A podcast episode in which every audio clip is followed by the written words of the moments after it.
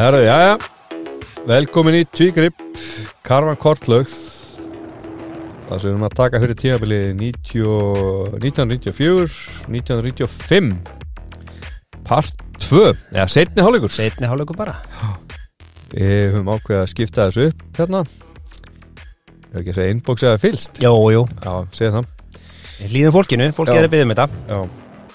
Og við hérna erum með nokkra breytingar. Þið bara eh, sjáu, eða heyrið betra að segja það, þið heyrið það þegar, þegar það gerist. En við erum ekki einir í þessu. Að hérna við erum með nokkra sem er að hjálpa okkur. Og það er litla brugghúsi í garðinum. Þeir eru að byggja upp á dreikjaföng í þættinum. Hvet ykkur eindreið til að, að vesla við litla mannin kaupmann á hóndunum og fara að kíkja þangað, þetta er mjög Já, Flottur staður. Gott að koma Já, Davíð og félagar þeir taka vel á mót okkur. Það er, það er 1966 EHF, körbáltvellinir plast körbáltvellinir sem að eru hérna um alland geggja vellir. Nú bílasara Reykjanes Hólskötu 52 Reykjanes bæ þeir eru með okkur líka. Þeir eru með alls konar bíla og það stjórna sig í öllu með harra hendi. Þeir eru með umbúið fyrir bíóell Nú, Toyota-vegstæði Reykjanesbæ þeir eru einnig með okkur. Það stjórnar öllu Óli. Sá borðsmildi og hann gerur að græða bílinn ef það er eitthvað. Að. nú Vinleit þeir eru nýjir með okkur. Eins og Toyota. Vegstæði og ef þið farið þar inn það er fullt af greinum um léttvín og þeir para hérna vín við mat hjá þér Svo er einnig með verslun það sem eru glöðs, karaflur, tapatórar, nývar og skurrabretti og svona eimislegt. Svona uh, flotta vörur, þó ég sé sjálfur frá. já, Nú Reykjanes Optik á Algötu 60, þau eru með okkur. Þar er Jóna við völd og hún og dömunar þær taka vel á mót ykkur milli 10 og 18 allar virka daga og milli 11 og, og 3 um helgar og þar er bara mjög fagleg og góð þjónusta. Bara og, frábær þjónasta já, Var að um daginn og býð spenntur eftir nýju glirunum mínum. Já. Og það er þetta að vera í sjónmæling og þau eru með öll helstu merki í klörningabræsanum og eins og Victoria og David Beckham og Skagen og Nike. Og þau eru eitt með linsur sem er nú gott fyrir suma. Já. tala ekki um ef maður er í íþróttum sko. Nei, nákvæmlega.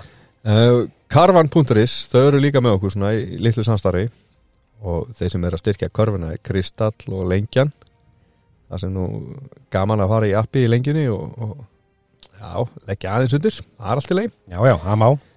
Uh, Subway og Likit.is það sem þú fer bara inn og græða bílunni á nú leidni Já. uh, og svo eru við náttúrulega getum ekki sleft Gunna og Dóra og, og Rúnari í endalíunni þeir hjálpa okkur helling. Alveg rosalega Já, og ég held að sé ekki neitt halla ef við hérna segjum að, að Dóri sé svona að hjálpa okkur ansi mikið. Já, já það er rétt. Um, Herðu, já. já, Ég ætla að segja bara ekki taka bara smá hérna þannig að það verður ekki eftir orðið já, það sem við vorum, við vorum komnir um áramót í í deildinni og þar voru búnir um, 20 umferðir já, Jariðli var Njarvík efst uh, með 38 stig Þór með 22 stig Skallagrim með 22, Akarnes 12 Haukar 12 og Snæfell var án Sigurs. Um áramótin í bjeriðli þar var Grindavík efst með 34 stig Íger var með 28 stig Keflavík 24 KR 20, Tindasól 12 og Valur 12 svona örlítið sterkari riðið svona eins og staðan er núna og svo það síðast sem fjöllum við var að Yngvar hafði sagt upp störfum með val þannig að valsara voru þjálfarulausir og er að leita þjálfara. Já þeir voru nú svo sem ekki lengi að finna þjálfar þar það er hérna en Ragnar Þór Jónsson sem var leikmaður hann var ráðinn þjálfari. Og hann hafði jú meðst fyrir árum út þannig að menn voru svona vonast til að hann myndi ná að þjappa hópnu saman og, og hérna rífa þau í gang. Já, og við sjáum bara hvernig það gengur sko. Hann ætlar að spila samt áfram eða ekki? Hann svona, já, hann ætlaði að jafna svo meðsl já, jafnir sem meðslum og og ætlaði að vera leikmaður líka. Já. uh, Við tölum einn um hérna í fyrraháleik Já. að Nei, við vorum ekkert um að tala um það. Jú, jú. Hvað það? Að Bó og Frank búkar í leikbann. Nei, við vorum að tala um nökk og eitthvað. Tölum um Tóri John og Nökkva Já, já, þeim var hendur húsi já, Já, já, Þetta er annað. Þetta er annað, byrjum nýtt. Já. Í leik Vals og Grindvíkur í gerkvöldi lendi Grindvíkunum Frank Búker og Valsmannum Jonathan Bó saman. Þeirra 6 minútur til leiksloka. Þeir fengu báðir brottræstavillu villu og urða yfirgjöfavöllin og eigaði höfðu sér leikbann. Banni kemur sér illa fyrir bæðilið þar sem Bói líkin leikmaður hjá Valsmannum og er í baráttu í neðarhuldanum og Búker er náttúrulega líkileikmaður hjá Grindavík og þegar þarna er þá áttu þeir undanúslit í byggakefni gegn eh, Keflavík og það ekki? Minni það. Já, þannig ef allt fyrir svo er þá er búkar allavega banna kepla ekki þessum byggarleik það kemur samt meir um það setna já. Uh, Keflavík og Káer þeir áttust við hann í byrjun janúar. Og það sem að Falur Harðarsson fyrrum keflingur setti 6 þryggjartökkurur eða 34 stík en það döði ekki til því að Keflavík sigraði í leiknum Já. eftir hérna framlíkingu við getum fyrst og fremst þakka að Lena Bönns fyrir að okkur tókst að sír leiknum þessi úslit sína leikurinn ekki tapaði fyrir honum er lokið, sagði Jón K.R. Gíslason þjálfari og leikmaður keflinga eftir æsi spennandi lokamæntur og framlengingu í, í leikkeflinga og káringa í kefling í gær. Þegar minnaði mínútu til leiksloka var staða 97-91 fyrir káringa og fáttustist geta komið í veg fyrir sigur þeirra í leiknum og stuðnins með keflinga voru farnar að yfirgefa húsið vonsveiknar og svip en þá gerist þið óvænta. Einar Einarsson setti þryggjastöðakörur Börn náði, boltanum að káringum og jafnaði með þryggjastöðakörur 97 þá voru eftir 15 sekundur á þeim tíma fengu bæðili möguleika til að knýja hann sigur og aftur kom Börns við sögu. Þegar hann á glæsilhátt varði skot káringa á loka sekunduleiksins káringar áttu sér aldrei viðreysna von í framlinginu og keflingar sigur örgulega 114-103 Þetta Sko- er alveg leikur. Ég var á þessu leik. Já, og mér langar að segja nei, káringar voru ekki með ellenda leikmann. Nei, þeir voru það ekki þannig og skotið sem hann varði, Já, Böns hann fest hann í hringnum. Já ok. Það þýtti að var uppkast. Já, og Böns vann það uppkast frekar öðrulega jú, jú, má rekna með því. Þannig að hérna þetta var alveg voru magnaðar loka segundur sko. Já, myndi mig kannski á hérna mannst eftir Reggie Miller jú, á jú, móti New York? Jú, mann þetta var, ég ætla ekki að segja alveg Nei, svona í áttina. Íslensk útgáð Já, já, Herru, Sigurður Hjálfusson já, Körninglandsjálfari hann sem sagt uh, var svona, ef við getum sagt bara hann var umbóðsmaður, erlenda leikmanna. Svona fyrstu umbin fyrir eða hvað, ég veit ekki alveg hvernig. Allir Tommy Tom hefur örugglega verið. Já, var á hann? 1966 EHF Já, ég held að hann hafi nú verið komin að fullt hann líka? Já, já, Já, ok Það var allavega ekki vitalegu hann, það er þennan. það vitur hann hennar Já. og hann sem sagt rettaði selfisingum Leonard Purdue Já, sem að uh, þeir Selfoss spilaði fyrst deild og hann var 50 bandarski leikmaður sem kom til landsins á vegu Sigurar og þú manst eftir í að, að grindvingar, þeir voru í vesinni með sína úlninga að hann bauð grindvingum sem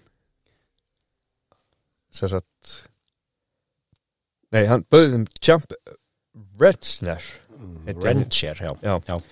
sem er búin að standa, stóð sér rosalega vel með Þór Þólasöfn í fyrstildinni Já, og þeir höfðu ekki áhuga á honum Nei. og þar með lendu grindvingir allir þessu kannavesinni og eins og hann segir hérna að hérna, hann sé miklu sambandi við þá og ringi reglu í þá til að ræða, ræða við þá og halda þeim á tánum. Já. sem er bara, já. Já, já, það er bara gott. Nú Frank Búker hann æfði með liðinu Solna Vikings frá Stokkólm í Jólfrýri hann heimsótti kunningi Svíþjóð sem leikum með liðinu og fór æfinga með honum. Nú bara sorry, er þetta ekki svolítið amatúralegt Jó, manni finnst það. Bæði hjá Frank Booker og Viking, Já, eða Solna Viking og hann hérna hún langaði mikið að fara þangað. Já, það var alveg sér óvís sko. Uh, við erum nú eiginlega bara búin að segja raksugur af káaringum já, en þeir sóttu hérna Sigur þegar að, að Óla og Jón Ormsson gerir tíu þryggjastakkur á móti Þór Akureyri. Það er nokkuð vel gert. Og hann var komið með fjóra þryggjastakkur í fyrirleik og sex í og hann skoraði 31 stig í leiknum. Eitt. Í eitt og viti Já. og við rættum hérna Frank Búker og, og Jonathan Bá Já. þeir voru vísa át úr húsi hérna. Og þeir voru úskari einsleiksbann vegna brottvísunar. Og fulltrú og félagana mættu fyrir aðanend KKI í ger og held upp í vörnum fyrir þá. Það sem eh, brot þess eh, það sem þeim fannst að brot þess brot þeirra voru þess eðlis að, að það ætti ekki að reyka út. En allt kom fyrir ekki. Og það var til þess að, að hérna Frank Búker, hann myndi missa af undanúsleiki byggar á móti keflæk sem að er náttúrulega ekki, ekki nægilega gott Nei, fyrir grindinga svo hérna er nú viðtal við fyrir Inga, þjálfari grindinga og hérna, ég tala mjög alvarlegt ef er ekki að leiðra þessi mistök, segir fyrir Ingi. Allir sem ég með tala við þjálfara, leikmenn, dómarar og aðri sem hafa vit á körnflæling og fylgjast með honum eru samála að dómarinn hafa gert mistök þegar Ragbó og Búk er út af. Það hafi verið allt, allt og strangu dómur og dómarar hennilega hlaupið á sig. Ég talaði rólega við dómarinn eftir leikin og hann sagðist alltaf setja í skýsluna að leikmenn hafi verið í stimpingum og láti óviðandi orð falla. Í minni orðabók og körboltabók eru stimpingar hluta leiknum. Menn er að stimpast frá eh, fyrstu mínútu og hvað orðbara varðar þá segast þér ekki að hafa sagt neitt niðrandi við hvort annan. Einar dómari sagði líka hann hefði vikið þeim út til að koma vekk fyrir að eitthvað yrði úr þessu. Mér spurn hafa dómarar rétt til þess að dæma þá uh, hafa rétt til að dæma þá sem á ef til vill eftir að gerast þetta er náttúrulega algjör steipa sko já, ef, veist, til að koma vekk fyrir eitthvað Já, þá, já, bara Það hefði verið nóg að dæma á þá félaga ásynningsvillu eða tæknivillu en að reyka þá á velli var allt og strangur dómur. Þetta var fljótfærni hjá dómurunum, um það held ég séu langt flesti sammála en samt ekki hægt að leira þetta. Mér finnst sárt og segi mér að eitthvað sé að í ferlinu og það verða að laga. Annars eru fordæmi fyrir því að menn hafi verið reknu út á ekki dæmtir í bann. Og hann vísar að Sandi Andersson hérna hefði verið í keflæk það reyndar er svolítið langt síðan þegar þetta er. Já, hann er verið fyrir þreim eða fjóru tíðanbílum í keflæk hann fekk uh, tvö tæknivill og reikin út af fyrir að hangi í hringnum þeirra tróð. Já, Agrendi tók að gott og gild að hann hafði ekki vita þessu reglum og slappi bann. Búker fekk eins og tvö tæknivill í reik með val og fekk ekki leikbann. Nú virðist ekki vera, ekki vera hægt að leiðrætta mistök dómara segið Freyrik þannig að menn voru mjög ósátti við þetta. Já, og sko ég veit að við erum ekki búin að kynna það inn sko hérna dramakastið. Nei, Nei. en að því að hérna við erum mannir að, að vitna við erum okkar fyrir norðan sko já. Guðna Ölver, nei hérna Gilvar Kristis, en nú er að Guðna Ölvers Já. kendi hann þér einhvern tíðan við rámar í það sko. Já, kendi mér tíðan dönsku? Nei, hann, hann var bara að kenna í, hann kendi mér ekki. Hann Kenndi- var bara að kenna í holtaskóla. Kendi mér einhvern Já. tíðan en hann settist niður við rítvöluna og pikkaði inn. Ertu búin að halla undir flatt? Já, nú bara ætla ég að hlusta. Í leik Valsmann og Grindvíka í DHL-deildinni Körnsklæðing þann 15. janúar átti þessu stað mjög umdelt atvik er annað dómarileiksins Einar Einarsson vek bandarsku leikmannulegana þeim Jonathan Bó frá Val og Frank Búker hjá Grindavík af velli. Eftir því sem að sér atviki oftar á myndmandi verður maður forviða því að mínu mati er ekkert annað sem skýri viðbröð Einars en mannleg mistök. domgrindaleysi og eða taugaviklun. Sjálfur tilur einar að hér sé ekki um uh, mannlega mistökar sína ræða því hann heldur áfram með málið og kærir brot þeirra til aganemdar með þeim útskýringum að leikminn hafi verið að stimpast og sagt dónaleg orð hvort við annan. Þá er ekki síður frólætt að heyra skýringu einas en hann gaf fyrir ykkur núna sinni þjálfar grindvinga í vitna viðvist í ákvörðun sinni að leik loknum. Hún var þessi. Ég er að koma veg fyrir að þeir ríkju saman. Þá vitum við það að einar dómari er skegn og getur þar að leiðandi komið veg fyrir óarða hluti. Þetta er gott Já. Undirritaðu snýri sér til formansdómaröndan strax eftir umrættarleik og bað hann að skoða þetta mál og aðtöku hvort ekki verið hægt að sleppa því að sendin kæru til aganendar vegna þess hver mistök dómari fyrir augljós. Svörin sem það að fengjust voru á þá leið að það væri ófrávíkjanlegt vinnuregla dómarendar að kæra öll slíka atvik til aganendar. Skipti þá engu máli hvort brottaksinu þessi er vegna fjótverðni eða mistaka dómara í viðkomandi leik. Sem sagt, dómara nefnd viðkennir ekki að dómari getur orðið að mistök. Þeir eru óskeikulir og hafa því öll, öll ráð leikmanna og liða í hendi sér og geta hefða sér eins og þeim sínist gagart öllum og er þáttaka í leiknum þessum mönnum verður leikmenn, þjálfara og liðstjóra að treysta. Ég vona að við sín, sína verði fílabæsturni dómara nefndar í framtíðinni og að nefnd þessi taki á málum þeim er til hennar er vísa til að komið vekk fyrir að dómara hljóti slíka vansa af eins þeir hafa hloti að þessu umrætnumáli. Uh, við eigum svo marga góða dómara að alveg óstaflaust að svona óhöpp komi fyrir. Það er einhverju sílu frólætt að skoða vinnubröð aðeins KKI sem dæmdi umræta leikmenn í einsleiks bann vegna kærnar þrátt fyrir að öll gögg séu löð fyrir nefndina, svo sem myndbönd, skriflegur, skriflegur vitnisbörður og málaflutningu forustumanna liðana bendi eindreið til þess að þeirra eina rekku leikmenn af velli hafa verið að gera augljós mistök aug þess sem formgalli var á kæru hans þar sem hverki kemur fram í henni að leikmennu hafi verið sendir í bað. Bað nefndin, eh, hafði nefndin ekki kjark til þess að vísa kærnu frá. Þó viðkjöndi nefndamenn að hér veri mikil miskilning á ferð og bentu okkur á að við getum kært viðkomandi dómar til KKI. Þráttur þetta hekk nefndin eins og hundur á róði á því litla skal í fjórugrein reglugerð um aganemt það sem segir orðið er dómari vísa leikmanni, þjálfara eða liðstjóra af keppnistað eða leikvelli skal viðkomandi úrskára einsleiksbann. Í þriðugrein er þessar sumu reglu gerðar eru nefndamönnum upplagt að taka til til þeirra gagna sem til nefndarna berast og leggja frjálst sönnar mat á þær. Jafnframt er tekið fram að þessari sumu reglu er allu vafiskulli metin kærður í hag. Tel ég mig ólíkitum að aðeins skul ekki hafa haft hugrekki til þess að taka tilliti þeirra gagna sem henni kærðu aðlalöðu fram og sína svo ekki verði um vilst hver fáralögu dómur einas var auk þess sem fram kemur að hann fer fram með hrein ósaniti þegar hann segir leikminn að hafa haft dónaleg orðbra hvert með annan.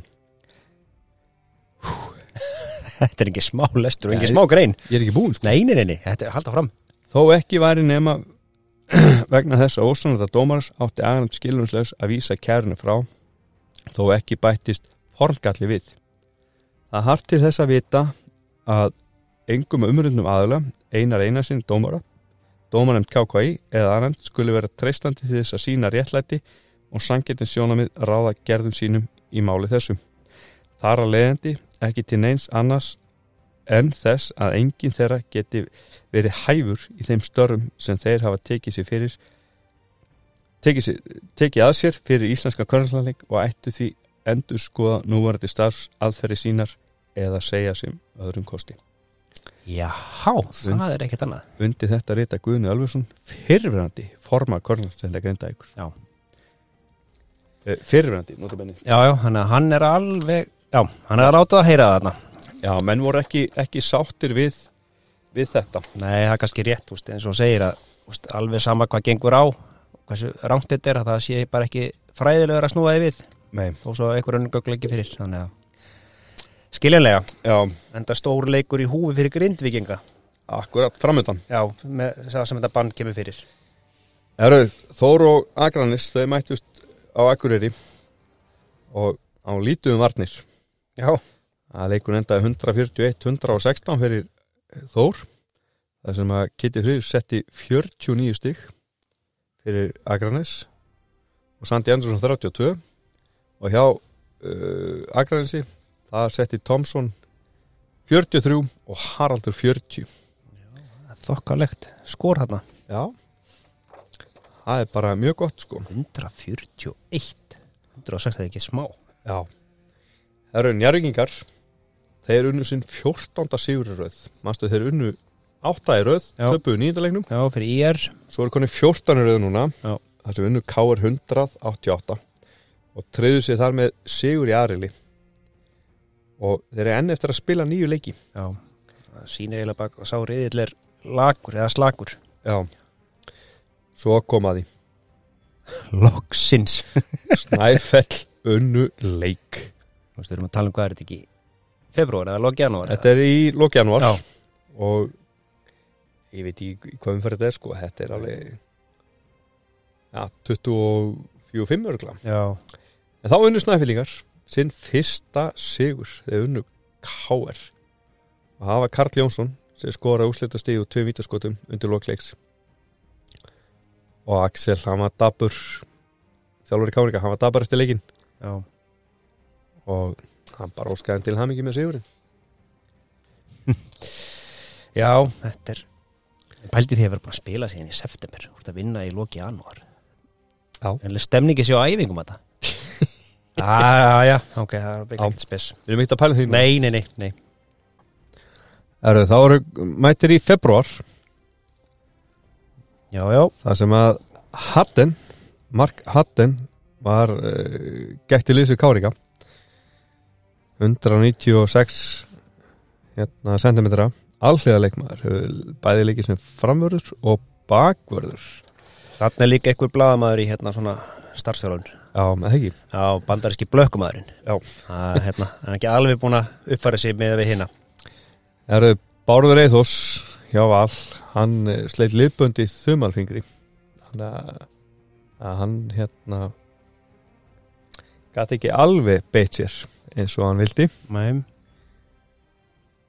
uh, Ég var að segja frá Mark Hatten jú, Ertu tilbúin? já, ég er klár Mark Hatten, bandaræski leikmaðurinn sem kom til landsins á hymdæin í síðustu viku hugðust leikað með K.R. var ekki á skýslu í leik K.R. á hauka á sundaginn Axel Nikolásson, þjálfari K.R. telur hann ekki verið nægilega stóran og vestumbækar eru farin að leita nýju mennaldu leikmanni eh, Ég spyr mér vissi Axel ekki hvað hann var stór nákvæmlega. er þetta einn af þessi minkaði svo í fluginu? Það gæti verið sko Ég tel mig nógu góðan til að leika með K.R. og aðstofa lið við að komast langt í deildinni en ég verð að fá tækifér til að sína það Það er ekkert að marka hvað maður sýnir á tveimur stuttum æfingum þegar verið að fara í gegnum leikkerfi segir Mark Hattin í samtali við morgunblæði gerkvöldi Hann sagði einni að sér þetta aldrei förleg hvernig staði var þessum málum Ég kom til landsins á 15. morgni og tvei leik með sótmönd og flugvöll síðan sá ég lið leika um kvöldið og ég sá þá hvað ég geti gert fyrir það. Á föstudaginn var æfing og aftur á lögadaginn.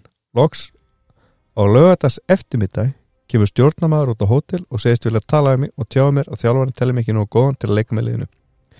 Hinn 26 ára gamli hattin segir hinn 26 ára gamli hattin og bæti við. Ég vil fá tækjur til að sína mig í einu leik og ef ég er ekki besti bandarski leikmaðurinn sem hinga hefur komið þá er tilbúin að fara. Ég ætla að standa með minn hlut á samningnum og vona að Káir gera það einni. Ok, hann er allavega með um, smá sjálfstörst. já, já, það vantar ekki Axel saði í gerkvöldi að þetta snýrist alls ekki um hvort hattin var nú góðu til að leika í úrstældinni. Við erum að leika háusnu leikmanni sem getur leikið inni og úti, svipa á Herman Haugsson gerði. En hattin er 185 cm og fyrst og fremst bakverður en ég tel mig hafa nóg af þeim. Bíti, bíti, bíti, bíti. Nú þurfum við að já. aðeins að kíkja hérna á hverju voru farnir? Nei, nei, þegar ég las fyrir þá Já, já, já, já. hann er 196 cm á hæð Já, já, já.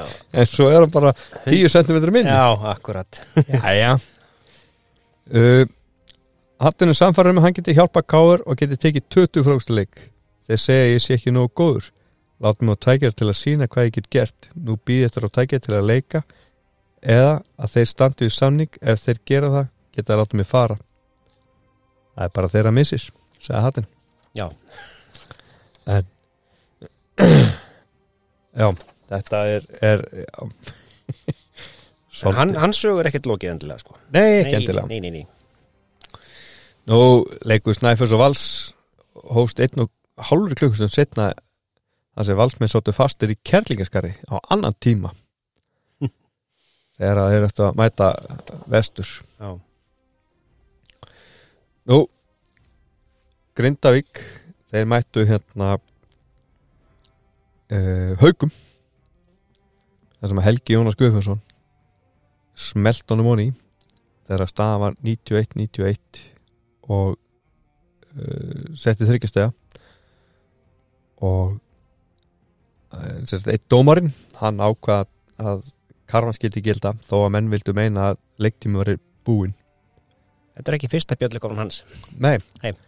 Og hver leik með haugum þarna? Jú, Já, það var Mark nokkur Hatten sem að káringar vildi ekki og minkaði um 10 cm fluginu. já, hann fór ekkert til keflægur í flug hann fór bara í hefnafjörn Já. uh, Keflægur Njárvík þau áttust við og leikunum fór í framlýninga 84-84 að Jón Kár Gíslason hann jafnaði leiki með þrýstöðakörðu þegar tíu sekundur eftir og svo þegar fyrstu fjóra myndir í framlíkinu þá var jafnbræði með liðunum en já, skoraði Njárvík átta stig gegn einu og treyðu sér sigurinn. Slæmingablinn. Já, slæmingaflin þetta var 17. sigurleik nei, 18. sigurleikurinn í, röð fyrir Káringa nei, Nærginga, fyrir Já. en gamla meiti áttu Káringa þeir siguru 17 leiki röð 89-90 Já. þannig að Það er nokkuð vel gert. Já, herru, ef við kíkja eins á stöðun eftir 27 leiki, Já. þetta var svolítið langt mót sko, þar er Njarvík með 52 stig, Þór með 30, Skallagrun með 30, Hauka 60, Ía 14, Ekki 60. nei 16 fyrir ekki, sagði 60, Já. 16, Ía 14, Snæfell með 4 Já. og þetta var aðrill og björrill, Grindæk með 44, Ír 40, Keflæk 34, Káur 24, Valur 18 og Tindastóll 18. Já. Erum við að neina að í þetta? Nei, minnust á þetta bara og skautum yfir þetta. Það var stjórnleikur höllinni Já. Það var valið á bílið Valur Ingemynda valdi alið fyrir Ingi bílið og alið var Teitur Ölegs, Rondei og Jó Grisbjörns úr Njárvík Konra Óskars, Kristi Friðriks Sandi Andersson og Þór Tómas Oltón og Skallagrim Jón Arnar, Pétur og Sigfús Gísvarsson úr Haugum Brynja Karl og B.D. Thompson að skaganum og í bíliðinu var Guðmundur Bragason, Marel Guð, Guðlaugsson, Guðjón Skúlason og Helgi Jónas Guðfjörnsson úr Grindæk Jón Örn og John Rhodes og Ír Lena Börns og Jón Kár Gíslason og Keflæk Falur Harðar og Ólaf Jón Orfsson úr Káar og John Habó úr Val Já. Ég ætla ekki að fara í úrslit Nei. Mér vil bara stjætt sama Já. Ef maður ekki að vinna ferðar ú- til útlanda hann, hann er ekki talað um Nei. Svo voru hérna dómar að fóra það með Evropaliki Helgi Braga, Kitty Albers og Leifu Garðars. Ferð og flugi. Þeir fóru og dæmdi ykkur leiki hann Já. Stóðu sér bara ágætlega held ég. Uh, Já. Nú er verið að rifja upp hérna uh, Bandarækjumennin hjá Káur Þeir eru búin að vera með fjóra sko. Það er komin ír. Þannig að, og komin ís og hann heitir Milton Bell sem hann kallaði gullmóli fyrir en hann eh, þeir unnu sér sett tindastól á Söguröki 70-82 þar sem hann setti 33 stig og tók tvö frákust það sem þetta er þá var að fjórði kannin hjá Já, frá hérna Káringum já, já Nú valsmenn þeir mættu í einingum og voru frekar óöfnir því að staðan var 80-78 fyrir val þegar Rúmín átt að var eftir og Björn Sigtriksson fekk möguleika að koma val fjórstum yfir og tvei vítaskotum bæði misefnust Íringa fór upp og Herbert jafnaði leikin 80-80 Bræi kom valsmennum yfir 82-80 en Herbert svaraði um hæl með þryggstökkaru uh, Jonathan Bó fekk hérna, tækja hundi körunni en klikkaði, í er brunni upp Herbert skoraði 2 og í er að koma yfir 82-85 og Bó fekk aftur tækifæri til að jafna á þryggjastarskoti þegar 5 sekundur eftir en hitta utöfra hringin og John Rhodes setti síðan eitt vítaskoti þannig að staðan var 86 Já, 82 Nú njárgingar ég ætla ekki að segja að koma óvart. Nei, nei. Eru deildamestarar og þeir gera það voru svona sofa deildamestarar Já, því að Grindavík tapaði fyrir Keflæk á gæti engin á þeim. Já, uh, Íringa voru reglulega með hérna að henda fram miðjum já, í leikjum. Og þeir hérna uh, voru áhörðu sem að var gefin kostar á að hitta á miðjum. Og fyrsti og svo eini sem reyndi var Georg Andersen. Dómari leiksis Það er engið þórað eða? ég veist að hann mjög spesa dómar tekið þátt Já, já. Já, hann hitt og fekk 15 kassa Coca-Cola. Já, það er Já, það er allir að fá að taka þátt. Já, já, já. Uh, Já, ég ætla ekki að fara í stöðuna hérna. Það við vorum búin að nýbúin að gera það. Já, Svo hérna Snæfell. Þeir gáfu Hardin sem að hefði leikið með Hann fór til bandaríkina Já. í ekkit skemmti heim svo. Avans hafði dáið. Já, og þeir gánu leifi til þess að fara heim nú það var hérna smá ves fyrir úslutikefna að grindjungar voru að keppa þegar þeir leikuðu káringar og þar mætti útsendarinn Njarvinga til að taka upp leikin vegna þess að Njarving mun leika við kári úslutikefni káringa mótmælti þessu en grindjungar leiðu honum, honum hins vegar að mynda. Þannig að þú máttir bara takk þetta upp bara. Já, Já, er breytið tímar í dag bara farið ykkur upptöku? Já ég held að, ég held að þessi svo leið sko. Já, Erðu, káningar þeir sigruðu keflinga 84-82 á nesinu. Það skipti miklu mál að vinna það leik og skapa réttu stemningunar fyrir úsleikefna við þurfum að líka laga afurðskarna heimaðallinni vetur sagði Axel Nikolásson þjálfari káar eftir að lærisurinn hans lögðu keflinga á velli, að velli á nesinu 84-82 í baráttu leik það voru gestin sem höfðu undirtökið lengsta í leiknum sem var fjörur og ekkert gefið eftir. Vendipunkturinn var þegar Jón Guðmundsson liðstjóri keflinga var reikin úr húsi. Hann reynilega trilltist af reyði út í dómarleiksins. Mér langar að segja að ég hef verið hana já, og ég held að þessu leiku þegar að eitt káningur, Guðni Guðna ég man ekki, jú var að berga boltanum út af hann stígur út af og hendur hann inn og káninga fram og skora sko, já En ég þarf ekki að segja að vera þess leikur Nei. endilega, En allan einhvern veginn gerða það Já. Það sem Falur Hann sko hérna Falur Harðars hitt úr 5-6 vítaskot Já. Og loka staðan Í dildinu, er ekki horfa hérna? Jú, þá er bara alveg að koma úrslutikefni þannig að það er allavega í loka staðan Eftir 32 leiki Þá var Njarvík efstir með 62 stig. 31 sigurleikur 1 tap. Það er allt í leið Já, það helviti gott. Og Þór Akkur var í öðru seti með 36 stig Skallagrimur í þriðasæti með 36 stig Hauka með 22, Akraðis með 16 og Snæfell með 4 Í Bjerili var Grindavík eftir með 48 Ír öðru sæti með 48 Keflæki þriða með 40 Káar í fjórða með 32 Tindastóll í fymta með 22 og Valur með 18 og það var því ljóst að Njarvík og Káar myndi mætast í úrslikemni Grindavík og Haukar Keflæk og Þór og Ír og Skallagrimur Já, og Snæfell fjall í fyrstild en Akranis þurfti að leika við næst, næst efstaliðið í fyrstildinni já, um lussæti í úrstildinni svo eiginlega verði ég að koma að hérna að þessu þó að það kom ekki úrstildinni við sko. Já, það er hérna ísfyringanir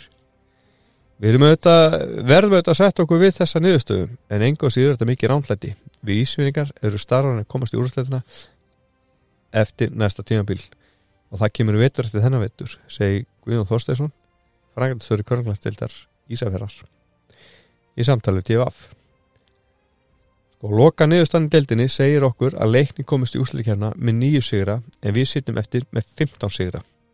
Þetta er fullkomi ránglæti en nú var þetta reylkjærni virka svona í dag.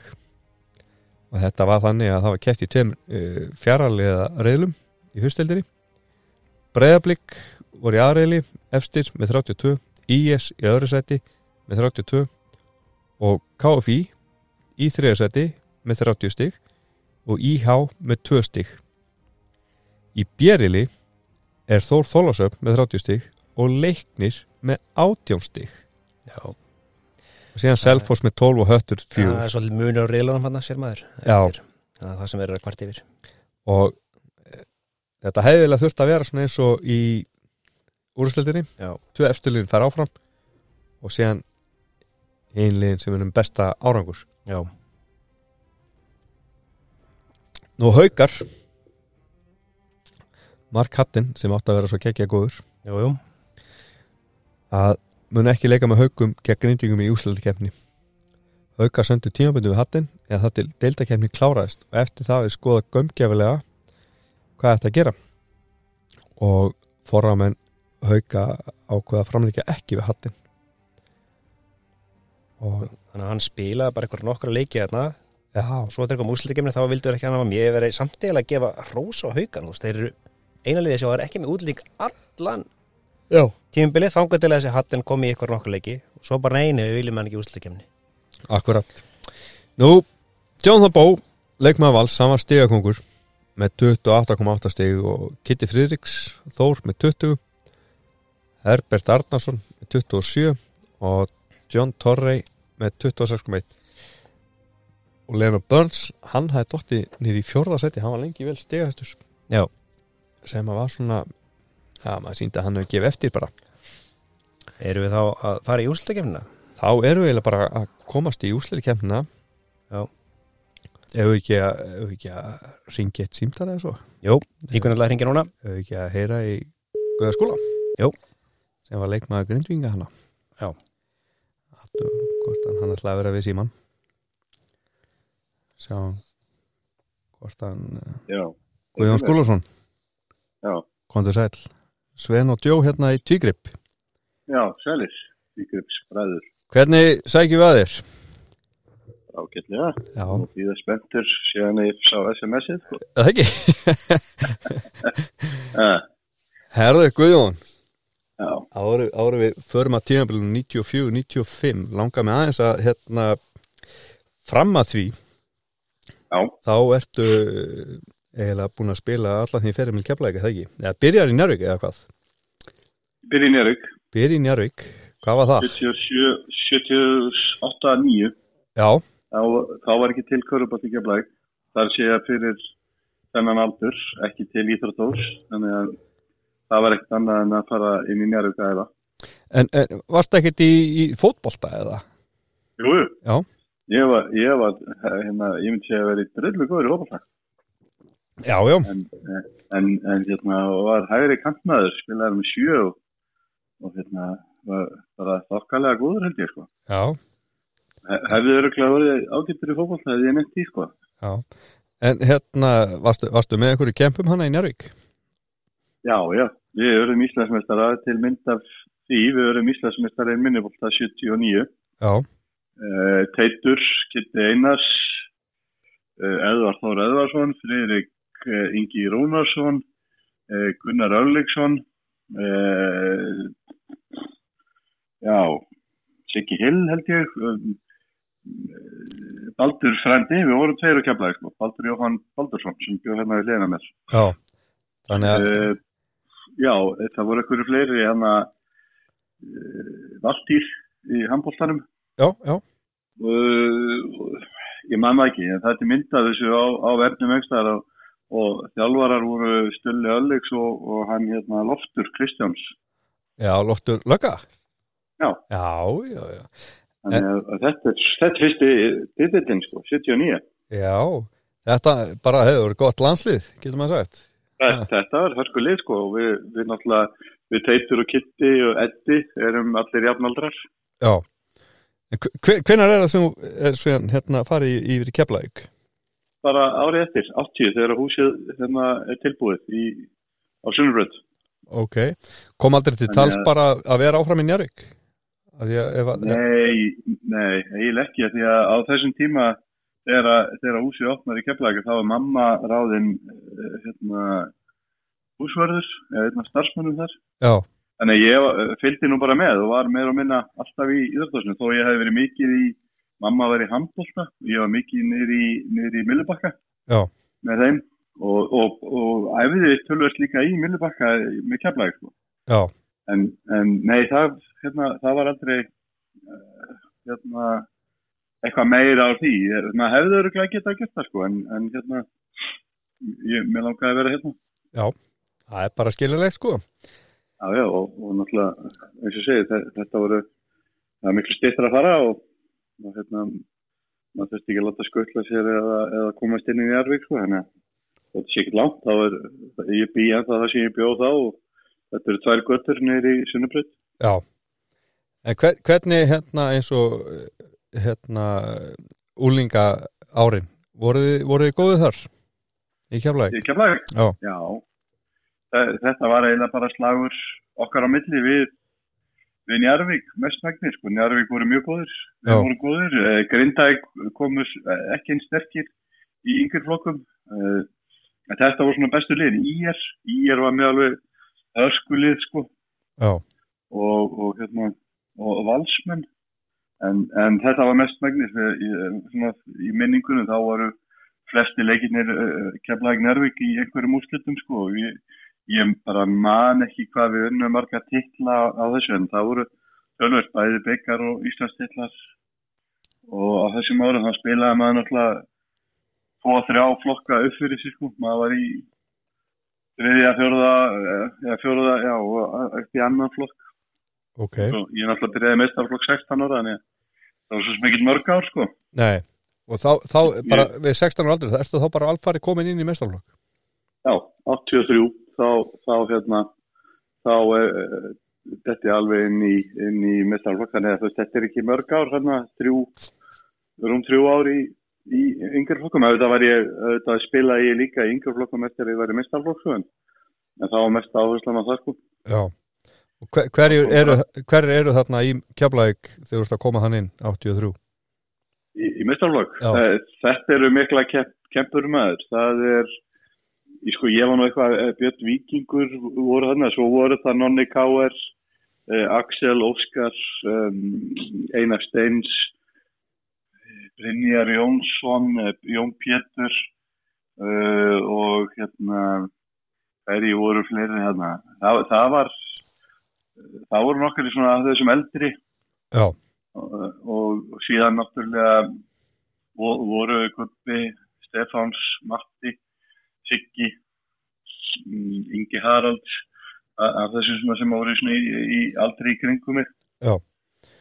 Jón Ben Einarsson, já, já, en uh, það, já, að þetta var, var. Þessi- Þessi svona flest, kjarnina þessum voru nonni og þeir sem eru 62 mótil, ég er 67, þannig að muna svona fe- fimm árum. En þe svo hérna náuðu nú að vera Íslandsmeistarar sætla minning 89, fyrst skiptið. 89, já, já, eftir, eftir, þú veist að, að, að sko við vorum náttúrulega keflaði fór í úslit 83 í byggar á móti var, töpuðu. Ok, og voru mjög góður í, í deildinni á og svo kom svona down tíðabil og keflaði fjall fórum, það er eina tíðabil sem keflaði hefur verið niður, það er 84-5 sko. Og við spilum þar eitt ár. Síðan tók nú við svona bara gott skeið, brandmæli og, og síðan alltaf endanum þegar þegar að Lín Óberg kom 88-89 já. Eh, hérna, hann náðu fyrsta tillinum já. Ný Nobel, hann, eh, hann breytti nú hansi miklu hérna fyrir geflinga, það ekki? Jú, hann kom með, með allt annan hugsunargang í þetta sko, það, þetta, langar æfingar, miklar, miklar hérna pælingar í sókn og vörn og við áttum það til að vera bara að fara í gegnum uh, svona leikreiningar og hluti á æfingum bara í 2-3 tíma og, og menn vissu nákvæmlega allt sem að var í gangi og við vonum kannski komið með svona 20, 30, 40 sóknarkerfi sko. Já, ok. Og, og hann var alveg, hann var alveg svakalur og stundum náttúrulega fór hann algjörlega óöfbort og gerði allt og mikið og það var náttúrulega, á endan var hann ekki nút af því að hann gæti ekki hægt að hugsa um korfbólta sko, hann leta okkur ekki friði fram eftir nóttu marga og, og endaði þannig en, en hann kom með það og var svona fyrstur í að allan svona það sem við fórum að spá í að, að, að, að spila inn á styrkleika leikmanna og svona og stilla þessu upp að, að gera þetta út frá hvað hann hafið í höndunum sko. Já, þannig að hann breytti svona hugsunahætti hérna svolítið.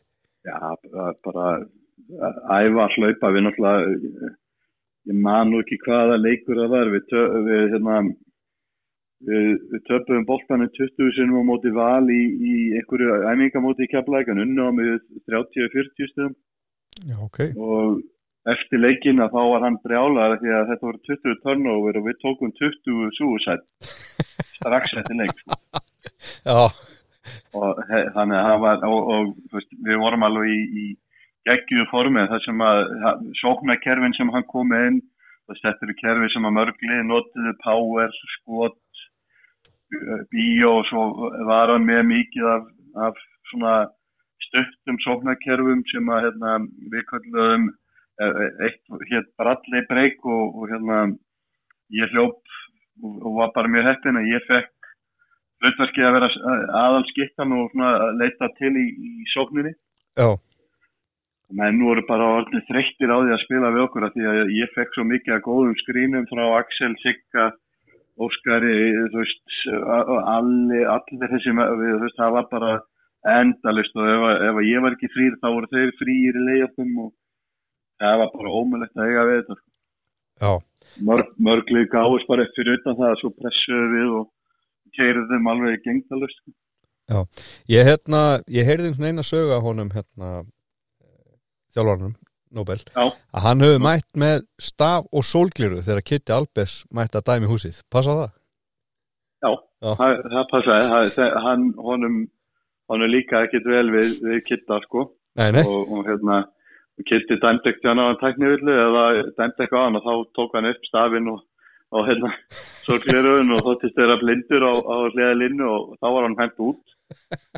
Og svo toppaði hann það í leiknum sem hann fekk, sko, leikbannið. Já. Þá mætt, þá mætt hann upp í stúku í appisinu gullu með rauðum jakka með talstöð Vi, við bekkin og styrði leiknum og dómarinn sem var þá, ég man ekki hvort það hefur verið kitti að hann þurfti að láta fjalla hann úr húsinu því að þetta var alltaf algjörlega bannast Já, ekki, ekki svo þurfti talstöð til að öskra bekkin sko, eða? Nei, nei, nei, nei, en eins og þessu finnum einn í stúkuna þetta, þetta var ég á, ég á tvær mjög góða sögur á hann sko, ég fór með hann ég, var, ég mann ekki hvort ég hefði verið fyrirlið nei, ég man ekki fyrirlið þetta Siggi hefði verið fyrirlið þarna, eða nonni en ég fór með hann á fund hjá KKÍ sem að var alltaf og er eitthvað vísir að þessu þessum að uh, formenn og þjálfarar mæta og það er verið að, að, að hérna, fara yfir stegagjöf sem að liðin gefa svona sér og þarna var Kolbjörn Pálsson formaður Já. og einhverju fleiri og, og hérna ég, ég þurfti nú að taka við að keira í hafnafyrir þegar hann var búin að keira á tvissar, hann var svitað við sig. Og keiraði alltaf aftan á það sem voru fram að ég, þannig ég sagði, herri, ég, ég skal bara keira, þetta gengur ekki.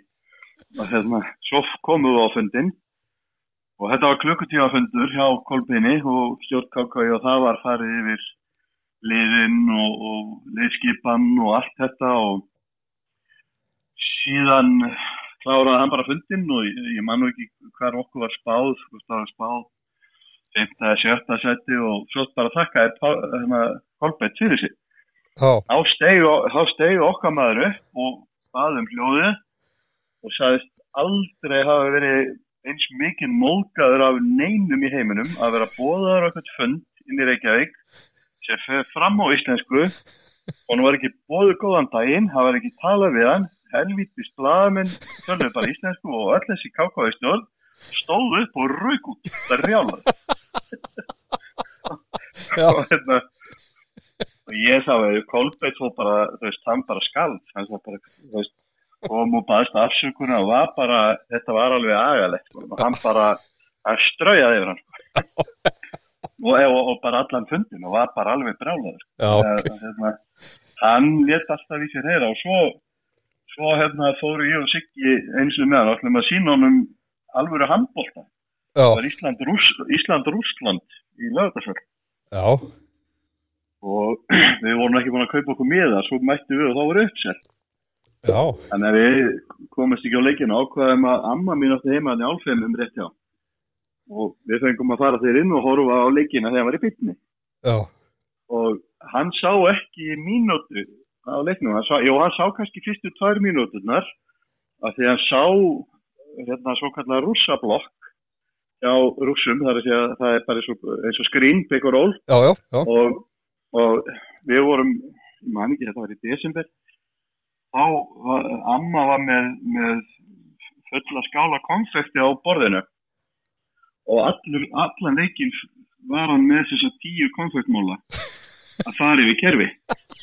Og, bara svo var held ég einn MM-kúla sem var boltin og hann eitti öllum tíman og við sáum eitt að leiknum af því að hann var svo svakalega áhugasamur um að sá þetta skrín og hann var komið með alveg fullt að kerfum og mikil, mikla pælingar já, hann gat ekki hægt að hu- hugsa um nei.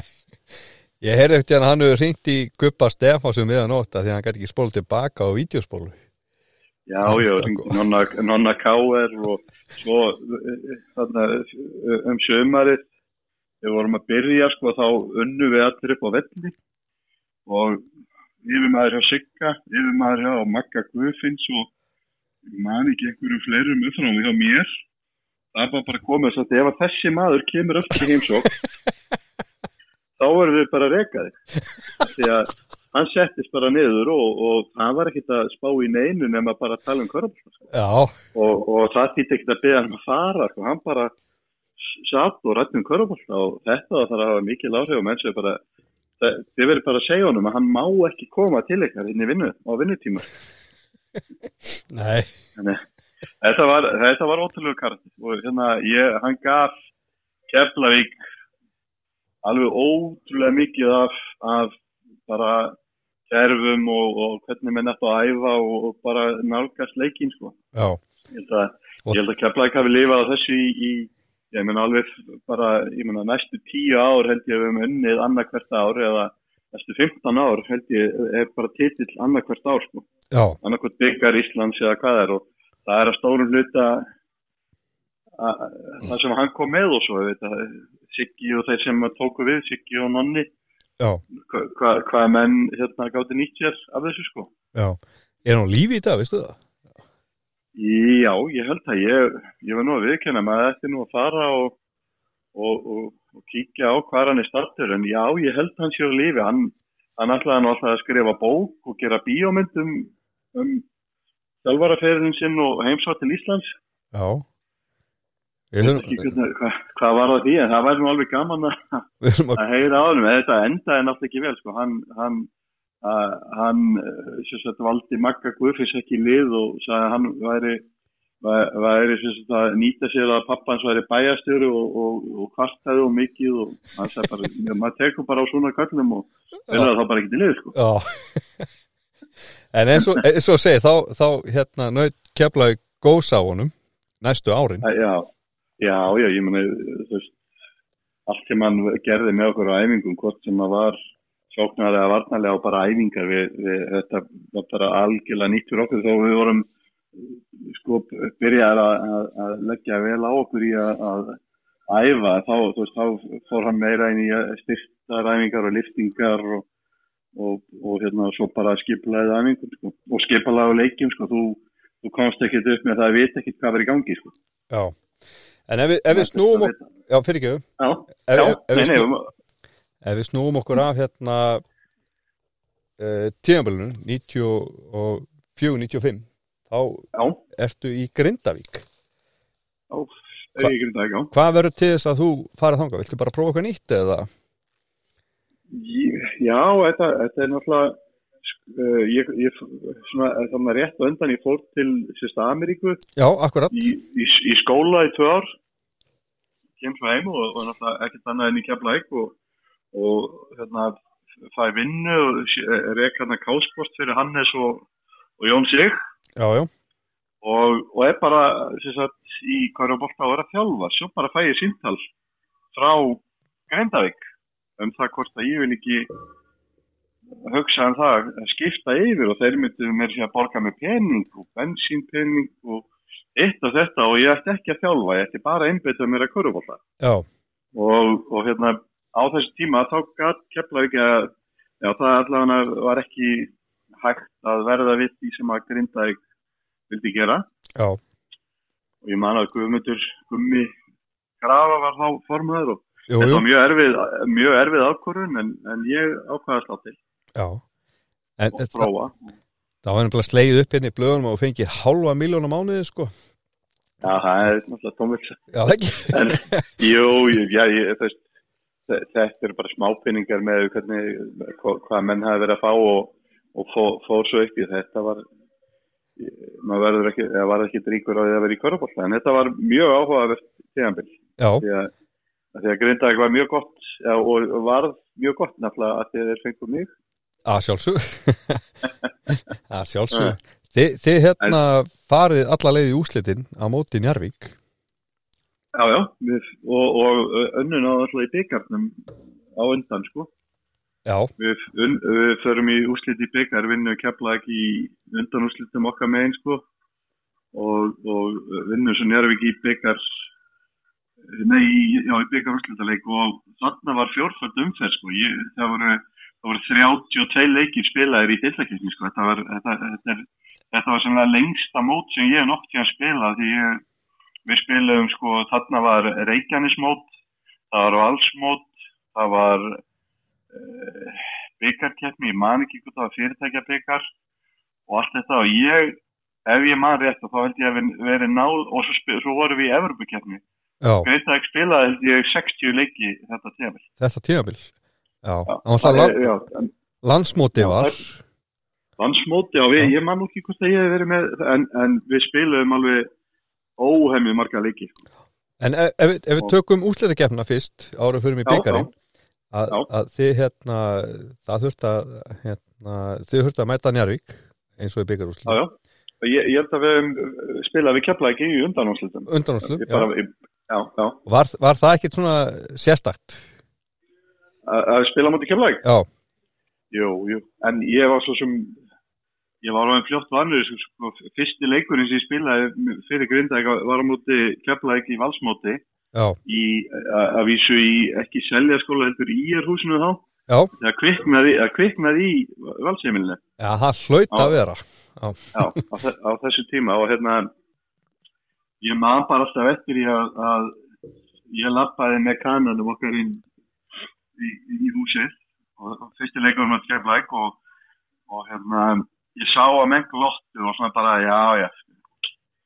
Ég veit að grinda ekki verið nokkur af því að hann heitir Tony Smith kaninn Já, og 1.70 á hæð lítill og nettur bara virkaði bara já bara strákur. Já, og ég maður bara eftir í að, að Valur, nei hérna Alli, Falur ég, ég man ekki hvað Falur. Falur var í káar Nonni, Já, nei, uh, Nonni Káur, allir sem að fengu að, að djöflast á hann í vörð í þessu fleik, hann, hann setti á bara á raskati, ég held að við unnið leikin með 20 pluss, ég hljóp bara fram og, og beði hotninu og hann, hann var einn að fá um konum sem kom til landsins. Og hann var með í skóla 20 stig og, og 12 eða 14 assist að meðaltali. já, já, Enda stakk hann af og endaði í Tyrklandi, sko. já, spilaði bara þetta mót og svo fór hann sko.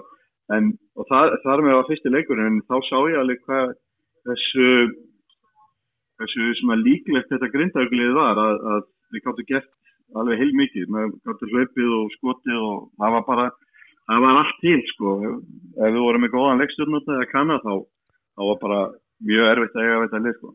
já Þið er náttúrulega hérna, eins og ég segi, þið farið í úrslitunum móti Njarvík Já, Og- og, og, þá, þá erum við með Frank, nei, ég man nú ekki hver var þetta er náttúrulega minnist að tímabilið þegar það eru fimm útlendingar hjá Grindag. Já, það voru margir sem fóru þannig gegn. Já, Frank Búker var nú sannlega lengst.